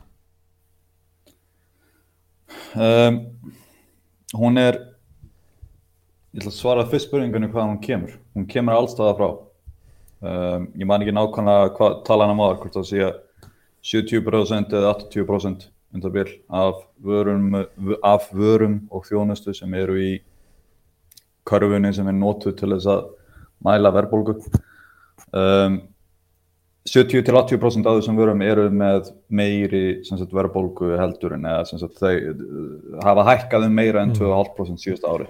Um, hlutfallið sé í kringum 30-40% þegar kemur að, að vörun sem hefa hækkað um 10% eða meira. Og akkurat núna, sem sagt, þá er, eða horfir, þetta er svolítið trikki sko upp á það að, að hérna, skilja hvað er í rauninni að gerast fyrir meira en árið síðan eða fyrir árið síðan og síðan það sem er að gerast í dag. Og það er ennþá inni í ársvarbulgunni það er hækkunin á fastanöfali því að fastanöfali hækkaði mikið fyrir árið síðan eða tæplega árið síðan. Núna er aftur á móti fastanöfali byrjað að lækka þannig að til skamstíma nýja þróunin er ekki vegna fastanöfals mm. Nýja þróunin er meðal annars út af ofnbjörnum gjöldum, það er matvæli, það eru drikkir, það eru drikkjavörur og svo framvegis. Og í auknum mæli erum við byrjuð að flytja innverðbólgu frá Evrópu. Ekki sérstaklega vegna þess að krónan hefur verið að veikast svo mikið eins og eru vennjulega vandamáli þegar við flytjum innverðbólgu, heldur vegna þess að verðbólga í Evru-löndunum og í Evrópu er svo há líka. Þannig að við erum að flytja inn þessa varbolgu á saman tíma. Þannig að í mjög stöttum álið þá kemur hún allstaða frá og hún er að aukast vegna þess að við erum hægt núna að sjá hækkanir á fasteinaverði sem aðal drifkraftinn á verðbólgu yfir í það að þetta eru meira hækkanir á til dæmis bara daglegri vöru og þjónustu. Mm. En orsökinn? Hún er markvæld. Um, ég raunir maður að horfa á hana sem margar mismunandi umferðir. Og fyrsta umferðin er rauninni skortur á húsnæði. Uh, það er ekki byggt nægilega mikið. Uh, þar með endar leiðuverð og fastæðanverð á því að hækka. Á sama tíma, sérstaklega upp úr 2020 eða, eða 2021 uh, og fram í rauninni árslokk 2022 þá var fasteina verið að hækka ekki bara vegna þess að það var skortur á því, það vantaði íbúðir fyrir fólk sem býr í landinu, heldur líka vegna þess að sérstaklega bankarnir voru að búa til uh, nýja lán og þar með nýja peninga sem voru meðal annars notaði til þess að kaupa íbúðir og til þess að eitthvað að einhverju leiti endur fjármagna eldri lán. það sem þá gerist er einfallega þannig að þessi aukna lánveiting hún endar á því að hækka fasteinaverð. Þetta eru fyrsta umfyrir áhrifin. Svo mm. koma önnur umfyrir áhrifin. Þess að þegar leiguverð og fasteinaverð hefur hækkað þá skiljanlega kemur fram aukin launakrafa hjá verkefliðsfélögum. Svo aukna launakrafa endar í herri nafnlaunum og að einhverju leiti enda þessi herri nafnlaun að því að íta verðbólgu upp á við þegar framlýslu kostnæður á vöru og þjónustu hækkar á sama tíma. Svo í þriðja lagi á ákváðu rússar að ráðast enn meira inn í Ukrænu. Þeir eru búin að vera aðeins núna í nýju ár og núna ákváður að stíga á bensingjöðuna varðandi það að ráðast ennþá meira inn í Ukrænu. Það olli verðhækkanum á ólíu til dæmis, orkuverði, sem síðan sérstaklega í Európu þróast yfir í það að það er herri eh, framleyslu kostnaður á öllu því sem Európa er að framleiða og þar með hækkar verð og að verða á, á, á vöru og þjónustu í Európu sem síðan er flutt inn til Íslands á sama tím. Svo í fjörðalagi þá er þetta líka endurinn á COVID uh, vandamálunum sem eruðu vegna þess að við slögtum á verksmiðjum hér og þar út um allan heim sem síðan allir töfum á framleiðslu og svo framvegis um, niður aðfangakæðjuna alla. En þau áhrif eru nú líklega að mestu leiti dáin út núna. Þú nefnir ekki eh, halla á ríkisjóði í hagvexti og fullri atvinnu og, og byllandi verðbólgu? Já, ekki svakalega. Ég horfi náttúrulega, það hjálpar ekki til en ég sé meira upp á það að, að ríkisjóður hafi hækkað ofinbyr göld sem fer beint inn í uh, verð og vöru og þjónustu sem beinari og sem sagt, mun áhrifa meiri áhrif heldur en það að ríkisjóður hafi verið með uh, rekkin á, á ákveðnum halla. Ég sé meiri áhrif sem dæmi af því að bankarnir hafi aukið lán, uh, lánaveitingar sínar innan fastanjamarkaðin heldur en hallaræksturinn á ríkisjóði sem drifkaft verðbólgu í dag. Þess að aukin lán á COVID-tímanum sem að hækkaði fastir að verða á sín tíma. Og fram undir uh, byrjunin á 2022. Hmm. Herðu, þú nefnir svona ímsar orsakir og uh, þá er það hvað ber að gera. Uh, eina sem okkur er kynnt að er gert til þess að vinna á verðbólgunni er að Sæðlabankin hækkar vexti. Dugar það til þess að, að slokka Eh, hérna, þessi elda? Aða lókum, já, en það er kostnæður á bakviða og mun meiri kostnæður heldur en er skeinsanlegt að fara út í sérstaklega ef það er hægt að gera eitthvað annað og fleira. Hver er kostnæður? Ríkisjórn. Hver er kostnæður? Það er fyrst og fremst til dæmis það að þú leið sér ekki undirleikjandi vandamálið sem er skortur á íbúðum. Auðvitað það sem gerist núna cirka 2024-2025 um það byrj er að það verður minni íbúða fjárfesting heldur en í dag og hefur verið síðast árið um það byrj vegna tveggja ástæðina. Í fyrsta lagi þá ítir vakstahækkun selabankans undir það að, að byggingakostnaður hækkar vegna þess að byggingar aðeilar, þeir oftast nær þurfa að taka lán til að byggja herri uh, lánskostnaður, herri byggingakostnaður og svo framvegis. Á sama tíma er vakstahækunin líka að þrýsta fasteinjaverðin niður sem mingar kvatan til þess að byggja.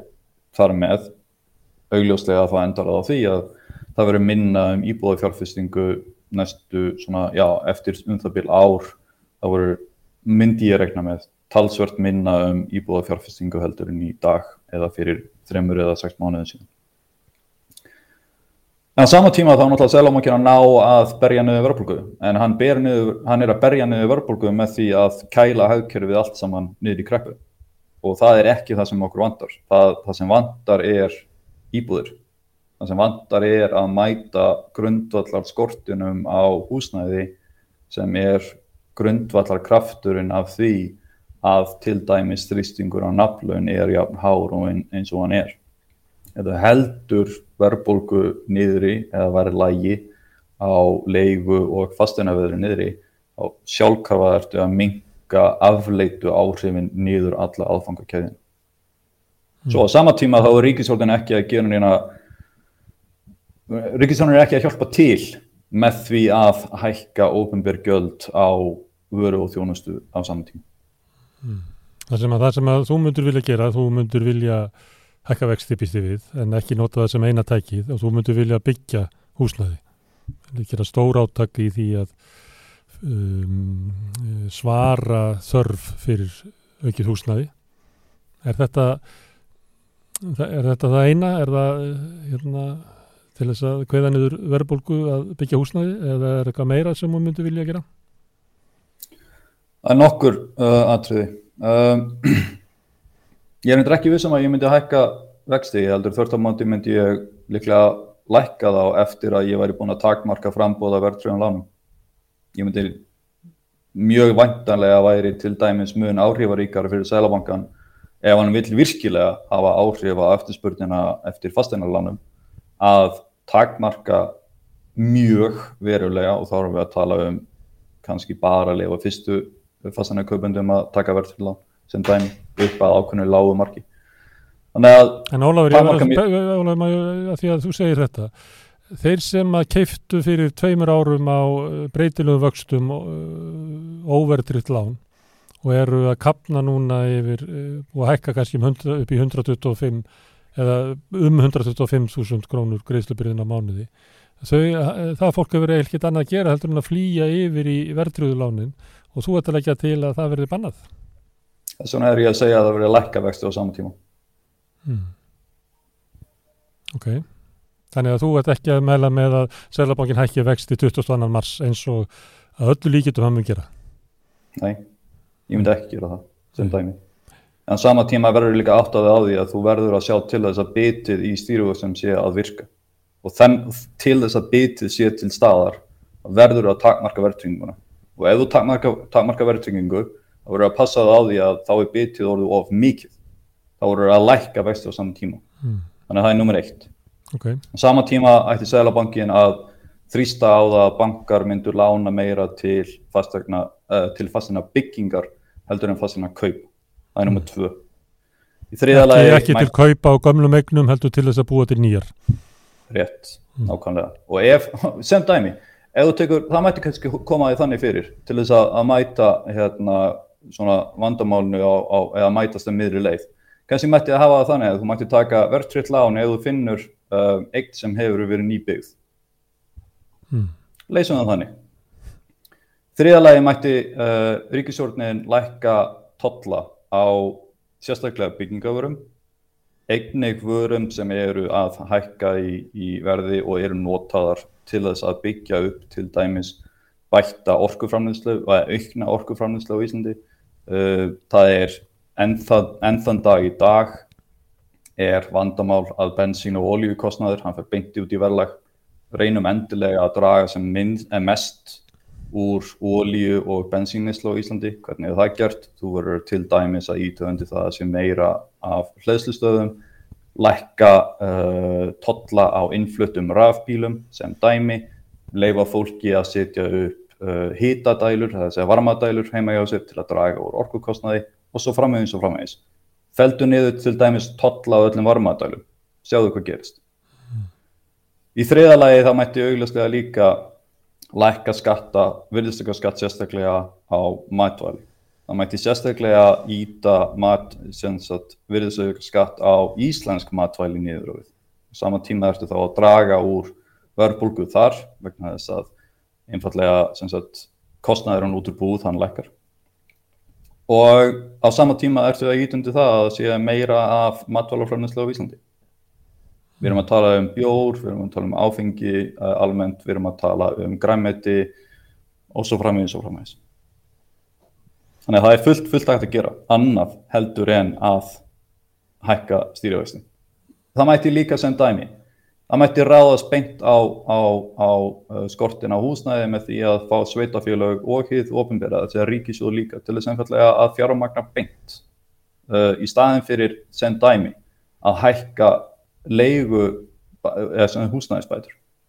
Frekar ætti að byggja mér.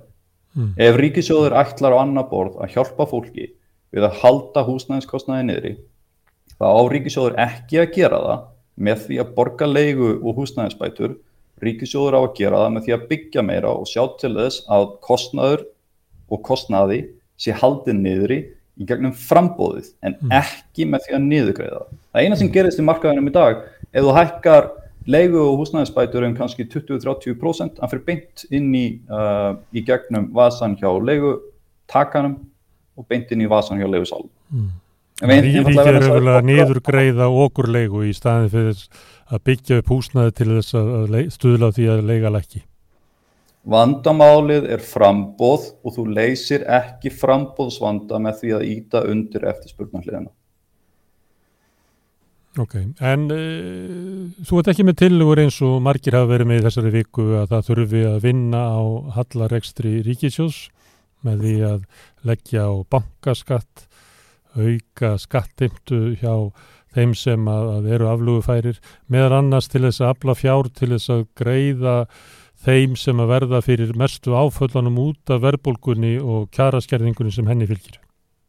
Næ, ég held sem dæmi að það veri mun meiri og áhrifaríkari leið að draga á verbulgun með því sem dæmi ef ríkisjóður myndur nota sín eigin útgjöld og peningamyndununa sem ási stað þegar ríkisjóður borgar fyrir eitthvað með því að framleiða og, og, og fjárfesta í því að byggja húsnæði. Okay. Ef vandamálið er skortur á fastegnum þá leysir ekki verðbólku vanda í hagkjörunu án þess að búið til kreppu með öðrum leiðum heldur en að íta undir frambóðið. Puntur. Mm. Ef sem dæmi ríkisjóðinu myndir núna að kera sig að nulli nokkur nögin örugt að, að hagkjöru fari í krepp. Mm. Þú lýsir stöðun á húsnæðismarkanum sem eiginlega frum orsök eh, efnarslægra erfiðleika samfélagsins. Er það svo að hérna, ef Íslandikar hafa bara klikkað stórlega í einhverju að þá var það í, í húsnæðisstefnunni, húsnæðiskerfunu? Já, ég var að við síðarregnastefnunni fyrir fimm árum síðan hmm. þegar ég var með uh, fyrirlestur á vegum eblingar um það hvernig mætti byggja upp og breyta kerfunu þannig að það ætti að byggja til þess að leia þá sérstaklega var ég með lífriðsjóðina í huga mm. Ég held mig við þá skoðun áfram. Vandamálið á Íslandi vandamálið á Íslandi er að hluta til of mikil áhersla á sérregnastöfnu sérregnastöfnan hún sér ekki til þess að sé nægilega mikið frambóð af fastögnum þannig að þess að auðvitað það sem gerist. Ef þú ert með hóp af fólki í hagkjörunu kjósendur sem eru eigundur af íbúðurhúsnaði.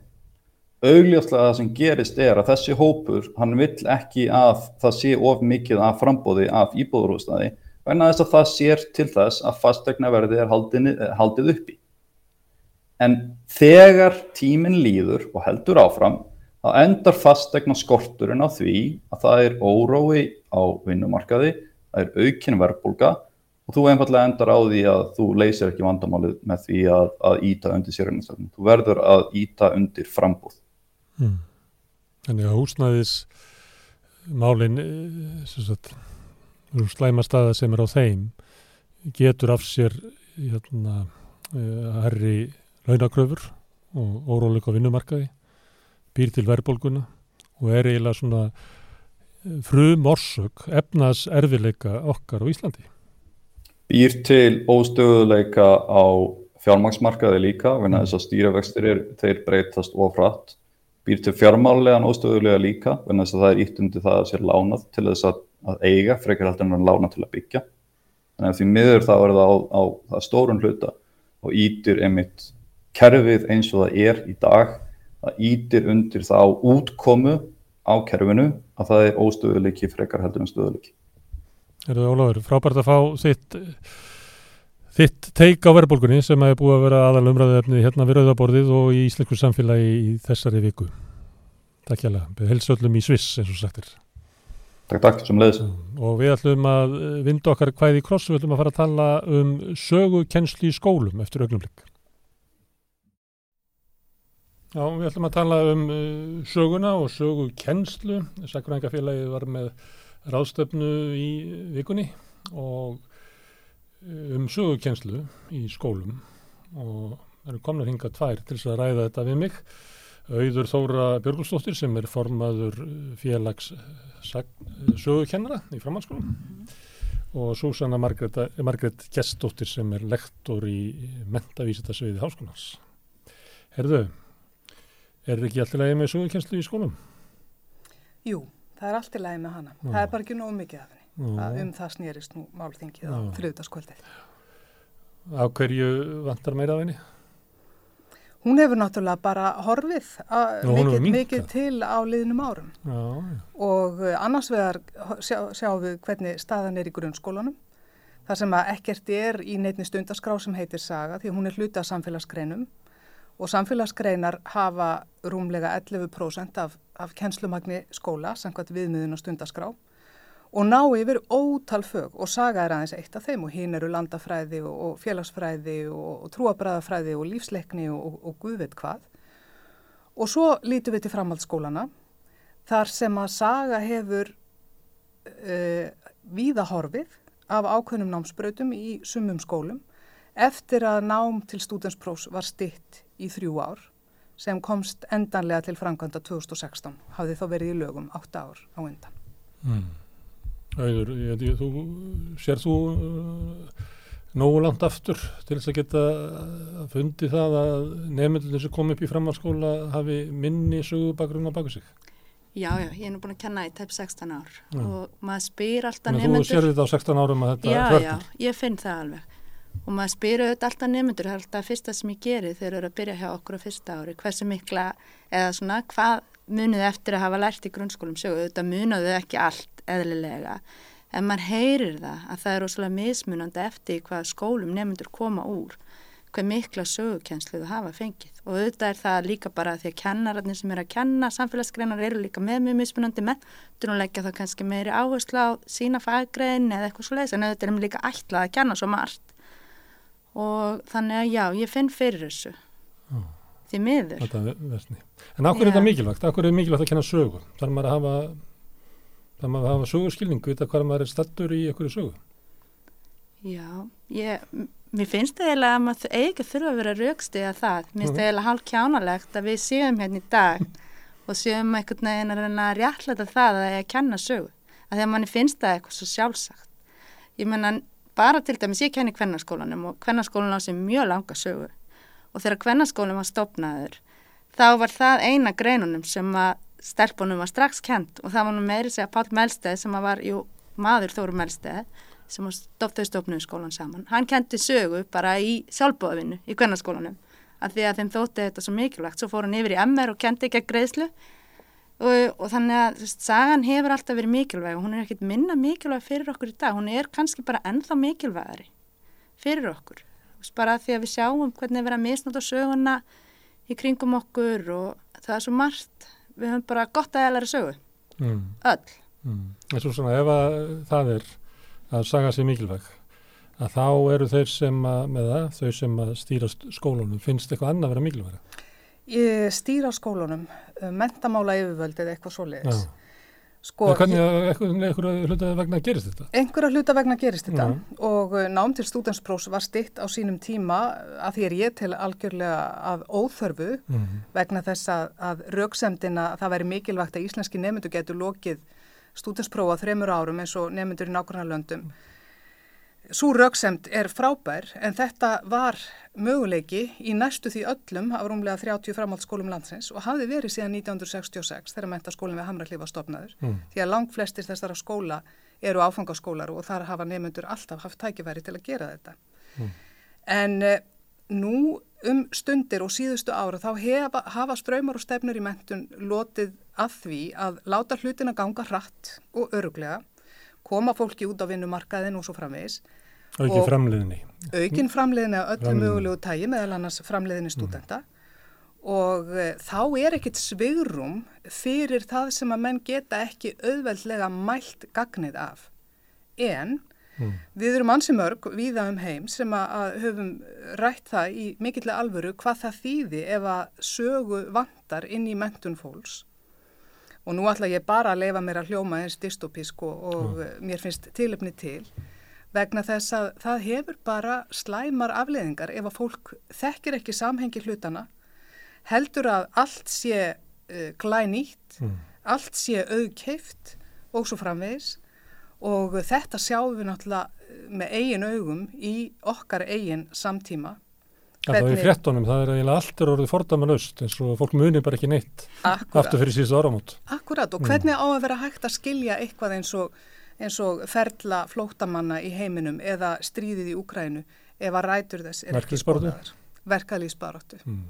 Og svo, svo mætti lengi telja að sagan mm. tengist náttúrulega nákvæmlega öllu sem að gerir hana að alveg sérstakri kjænslugrein og fyrir mér er sko lang þungvægasta rauksemdin fyrir því að það sé nöðsynlegt fyrir fólk að læra sögu svo að í vönduðu sögunámi þá er þjálfuð til dæmis heimildaríni að bera saman hvaðan upplýsingar koma, hvað býra baki, í hvaða samhengi voru það settar framvakt eitthvað fyrir höfundum að skoða ólík sjónarhort, sitt sínist hverjum þó að samheiligur kjarni sé.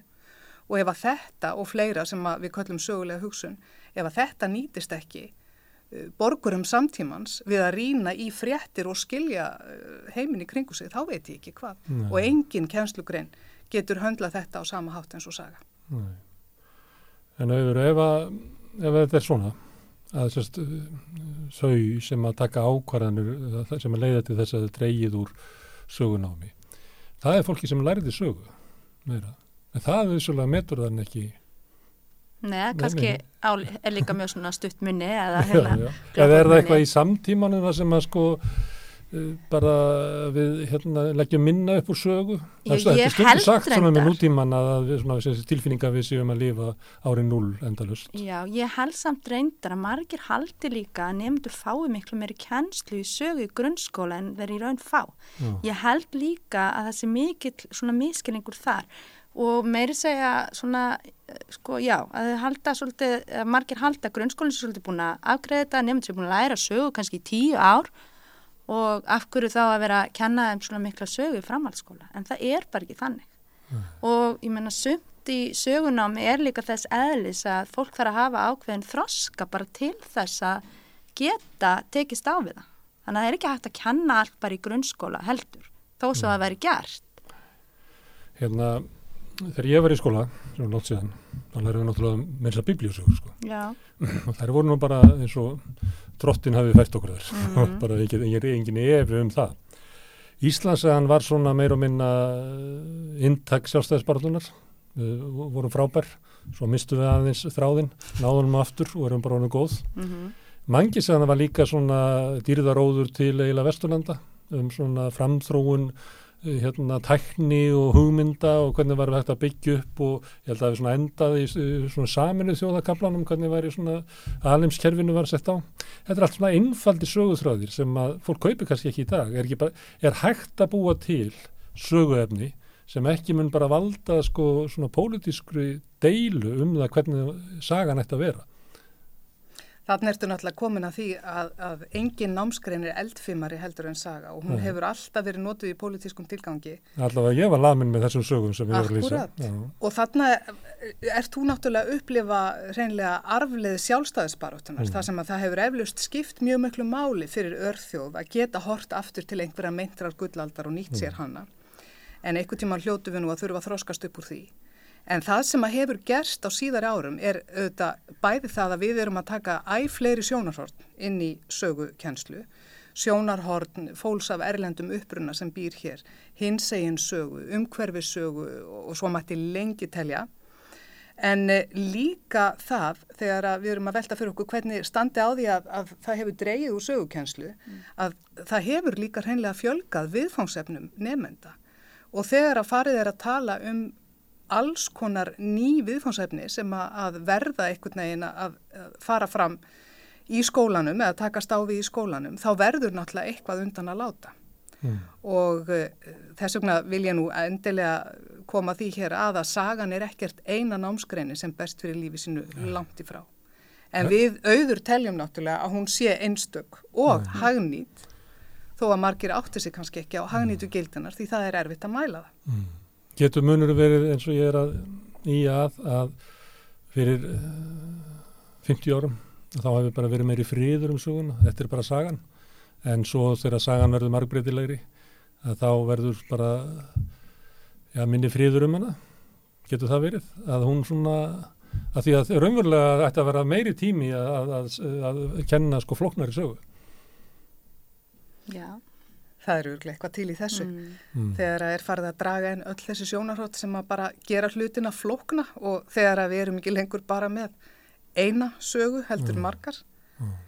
og e, það hefur náttúrulega, það er annað ef ég má grýpa orði hérna auður Já, að e, á heimsvísu þá hefur fólk líka haft tilneingu til að gera söguna ægilega persónulega og það sem að mér finnst vera mikilvægt í sögu það lítur að vera alveg mikilvægt eins og það sem að einhverjum öðrum finnst eh, mm. og, og hvers vegna ætti þetta að standa í kænslubókunum en ekki annað og svo framvegis. Mm. En þegar að fólk lærir sögu þá kennst það að því að hún er fræðigrein sem að lítur ströngum lögmálum mm.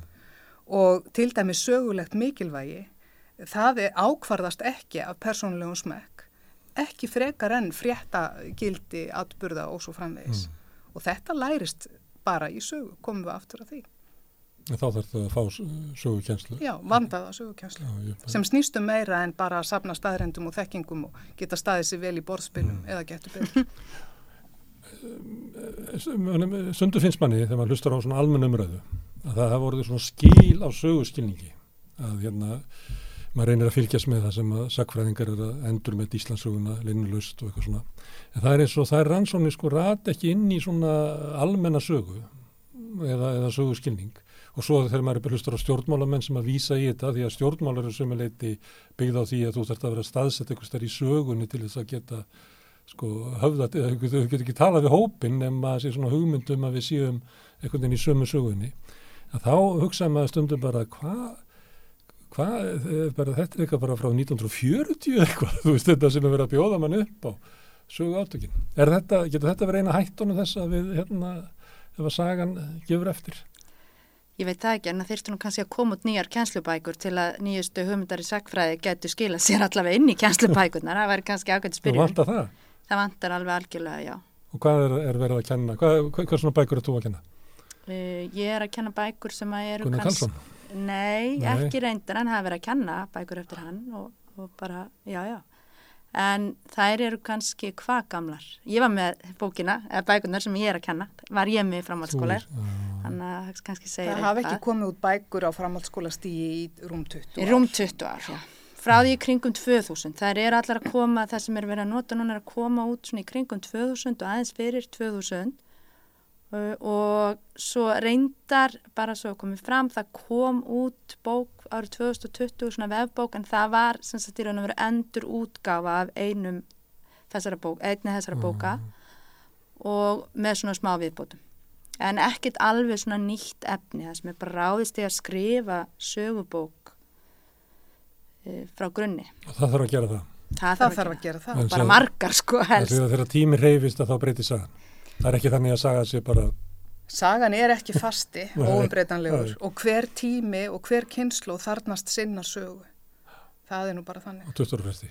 Já. 10 ára fresti? Lámark. En mm. við erum ekki að tala um að það þurfa að skrifa yfirlitsbækur í sögu á nokkur ára fresti en, en að taka fyrir málefni frá kannski nýjum, nýjum mm. og áhugaverðum sjónarhóttnum eða með einhverjum vinklum sem að, að svona brenna á samtímanum til mm. að nefnendur geti betur tengt við um hvað ræðir. Já og líka bara bækurna séu svona svolítið hvað ég segja aðlandi. Mér finnst mm. það líka skipta máli. Þú veist að nefnandi fái bókina í höndina eða, eða bara taki bókina og langi til að opna hana og lesa hana því að þessu góðar myndir eða og hérna bókin sé svona sett fram á skýran og aðlandi hátt. Mm. Og ég er ekki að tala um að þurfa að vera bók í hérna, gamla bókarforminu um að vera vefbók en þetta skiptir bara rosalega miklu máli við vitum það og krakkarnir sem að finna það eiginlega á lyktina að þetta sé úreld Já, já. Hólingurinn minn segir alltaf, sko, er þetta ekki bara eitthvað 1900? Það er svona þessi eitthvað bara gammalt sem að... Já, og þar með þarf ekki að... Hún, hún er ekki áhugað því. Nei, akkurat.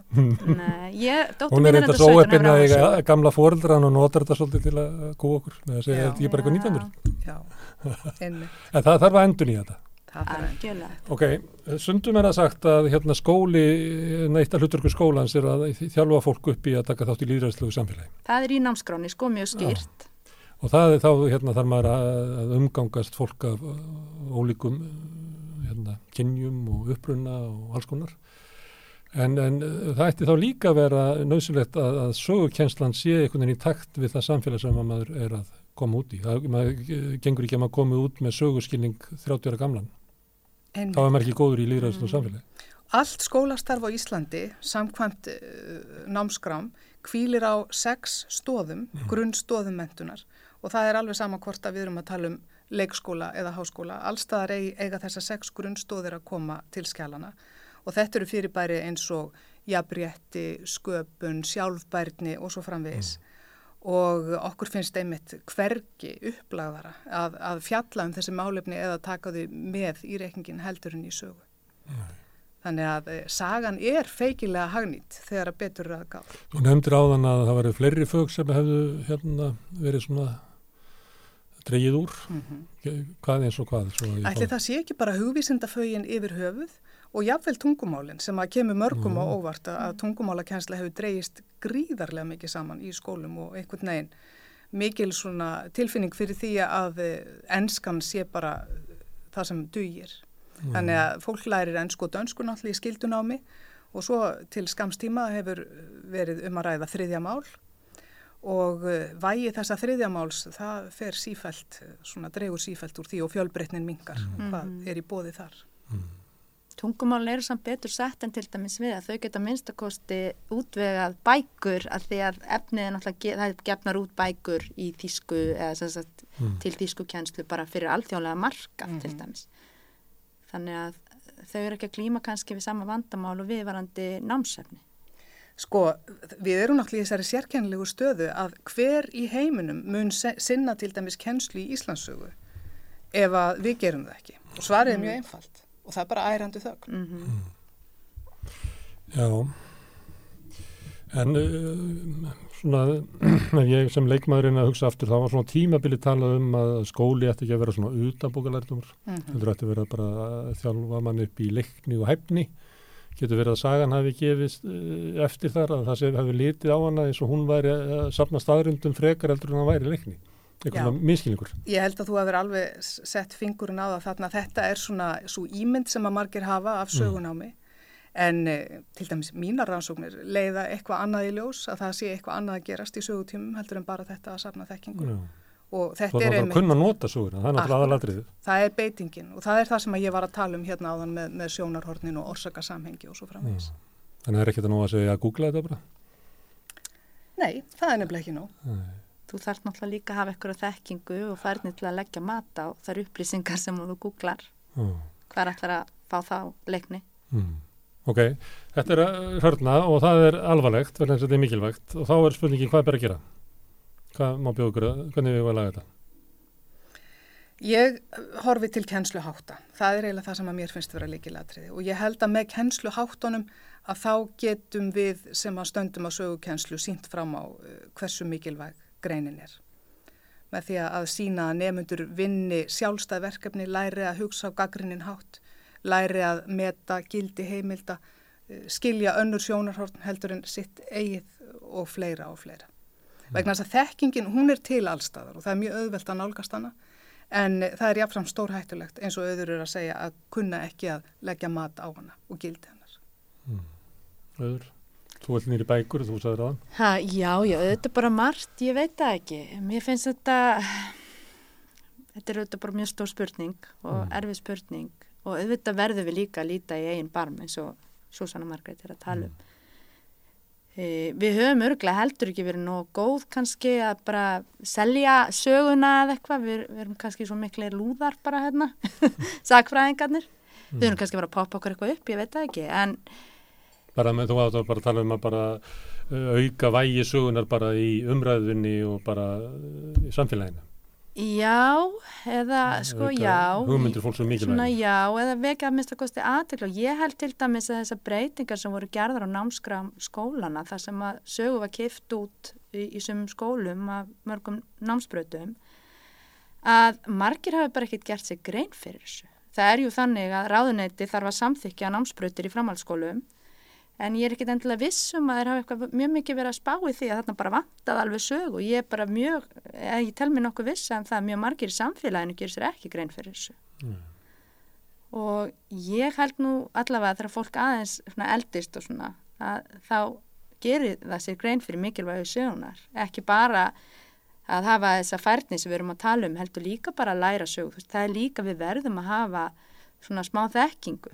Ég, ég veit ekki, mér finnst það skipta máli líka, við verðum að þekka svona helstu drætti sögunar Og við þekkjum það alveg að þar sem að sko valáfangar, þar sem vel er staðið að valáfangum mm. í sögu, þá hafa þeir til dæmis verið feikilega vinsalir og, og, og noti mikillar hilli. Það er ekki með krakkan þessu að hafna þessu? Það held ég alls ekki. Mm.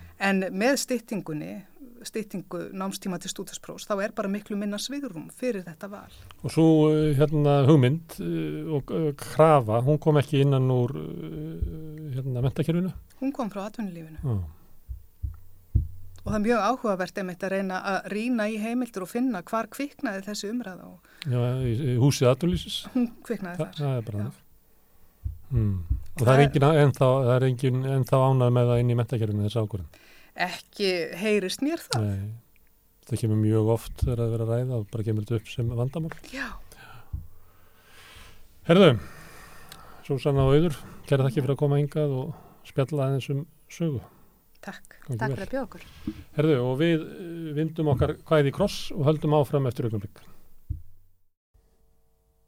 Já, við rettum hérna með Jón Gunnar Ottosson um daginn, eh, fyrirverandi fórstjóru að náttúrufræðistofnunar og hann var að draga í Eva að eh, skórekt var í góð til þess að, að mæta lofslagsváni, sagði það að þeirra skóar væru rektaðir að þá væri raunverulega losun fyrstu árin og það geti tekið allt upp í 50 ár fyrir skógin að fara að gera eitthvað gagn og, og þá það kannski Toyota bifriðin sem að þú giftir komin undir græna torfu líka og, og hefði aldrei verið bætt og jáfnveil á tímanum að þegar þú væri að kera Toyota bílin að þá væri skórin sem þú giftir til þess að bæta lofslægið að hann væri raunverulega að gera meiri skada en, en ekki ef við bara ekki gert neitt.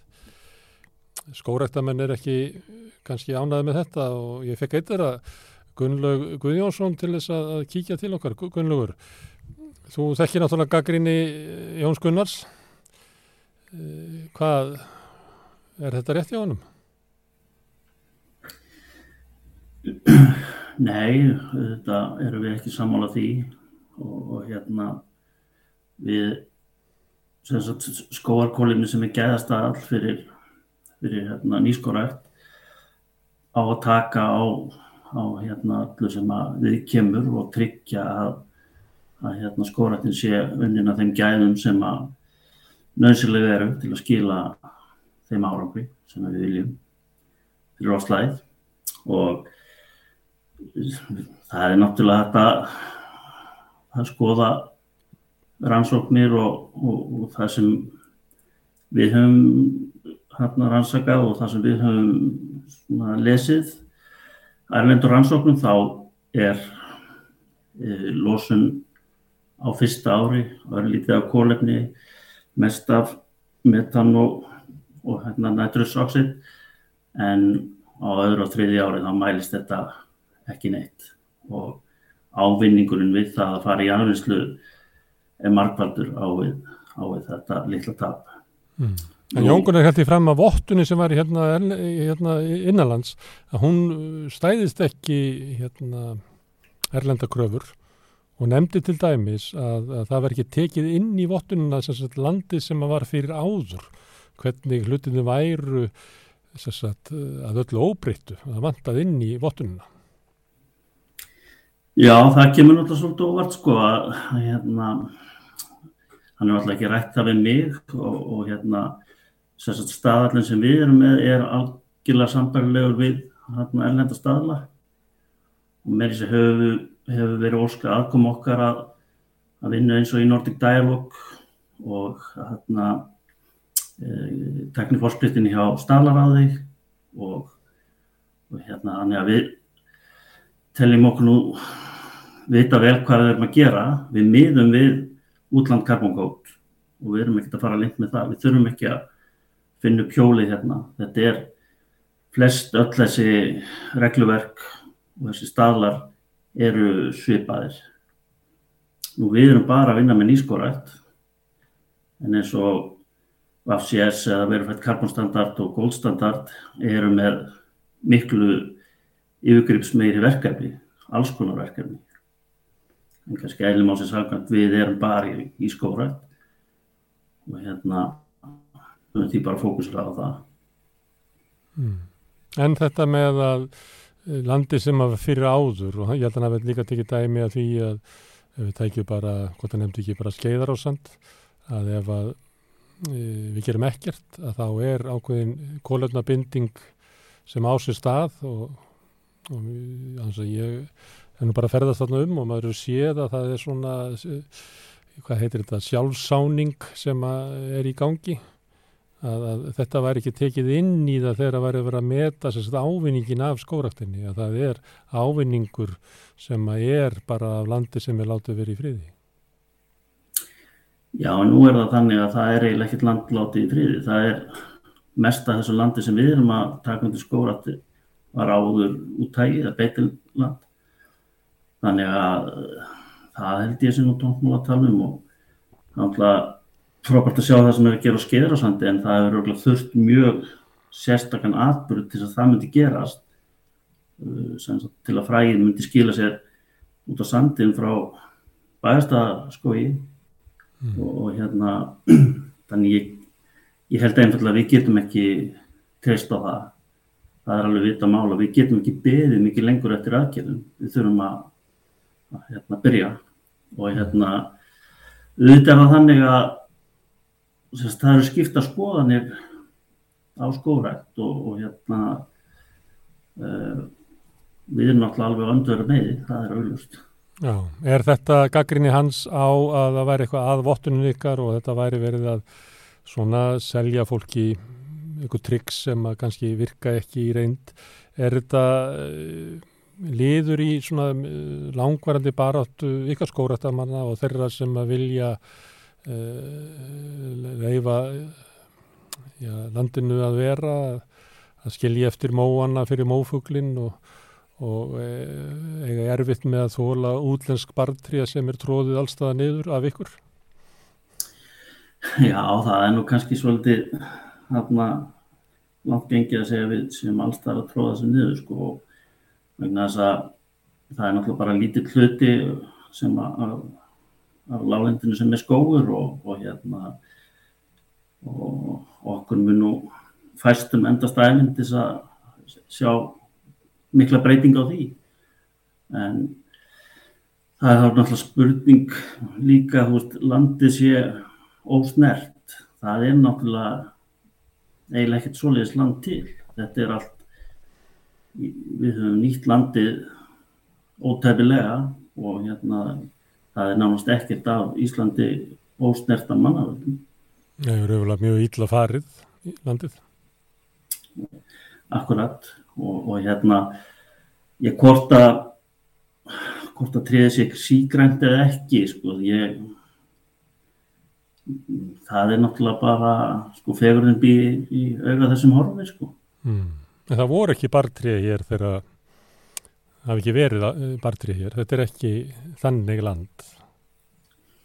Nei, samt en og Ísland svona, ef við horfum til Skandinavíu og horfum til Kanada, þá erum við svona nokkurnu einn í Boreal-beltinu sko og, og hérna það má náttúrulega fara raug fyrir því að fyrir að síðar hefði einhvern veginn komist uh, bartrið hinga. Uh, þau hafa náttúrulega verið hérna í 120 ár núna og hérna það er svona reynsla sem við erum alltaf að byggja á það er þessi frumkvælar en, en ef við horfum í, í kringu landið og, og hugsa um 120 ár sem er langa tími þá er augljóst að, að hérna, við hefum geta gert talsett meira mm. og nú er tækifæri til þess. Það er náttúrulega grunnun er sá að kólefnið mun kosta. Það er ekki núna lengur ókipis að blása út hérna kólefni það, hérna, það er verið að setja verð á það og sagt, uh, William Nordhaus sem að fekk nú nokkur svölinni í hafræði hann alltaf að skrifaði mikið um þetta. Og hérna það er annars að velja ekki kólefni með skatti eða þá að hafa viðskipti á markaði. Það getur verið tvennskona markaðar, þá annarkort svona óbeinbér markaður sem ETS markaður Európa-sambandsins er eða valkvæðu markaður og það er, það er sá markaður sem við erum á og, og hérna þessin eru reglurnar sprotnar af þeim sem eru á markaðnum og, og þeir sem borga brúsan og þess, þannig hafa þessa reglur orðið til og ein aðal reglan er svo að þetta sé viðbót að þetta sé ekki ykkur skóur sem hefði hvort er og vaksið samkvæmt lögum eða ykkur slíku. Og, og hérna það er bara mjög mikilvæg punktur og, og hérna skóarkólefni er bara nýfærið á stað og, og það hefur til dæmis verið nefnt fyrir ok við okkur að við séum ekki með gæðastimpil frá ICROA sem er eh, International Carbon and Reduction Alliance. En málið er að útland karbonkót fekk slíkt eftir tíu ár. Við þurfum að samna okkur, við þurfum að gera vel til að þetta gangi, við vitum það. Mm. En þeir eru gaggrindir á leiðinni að skórættar fólk er ekki náttúruvenda fólk á Íslandi. Þeir eru náttúru breytinga fólk breyti náttúrunni?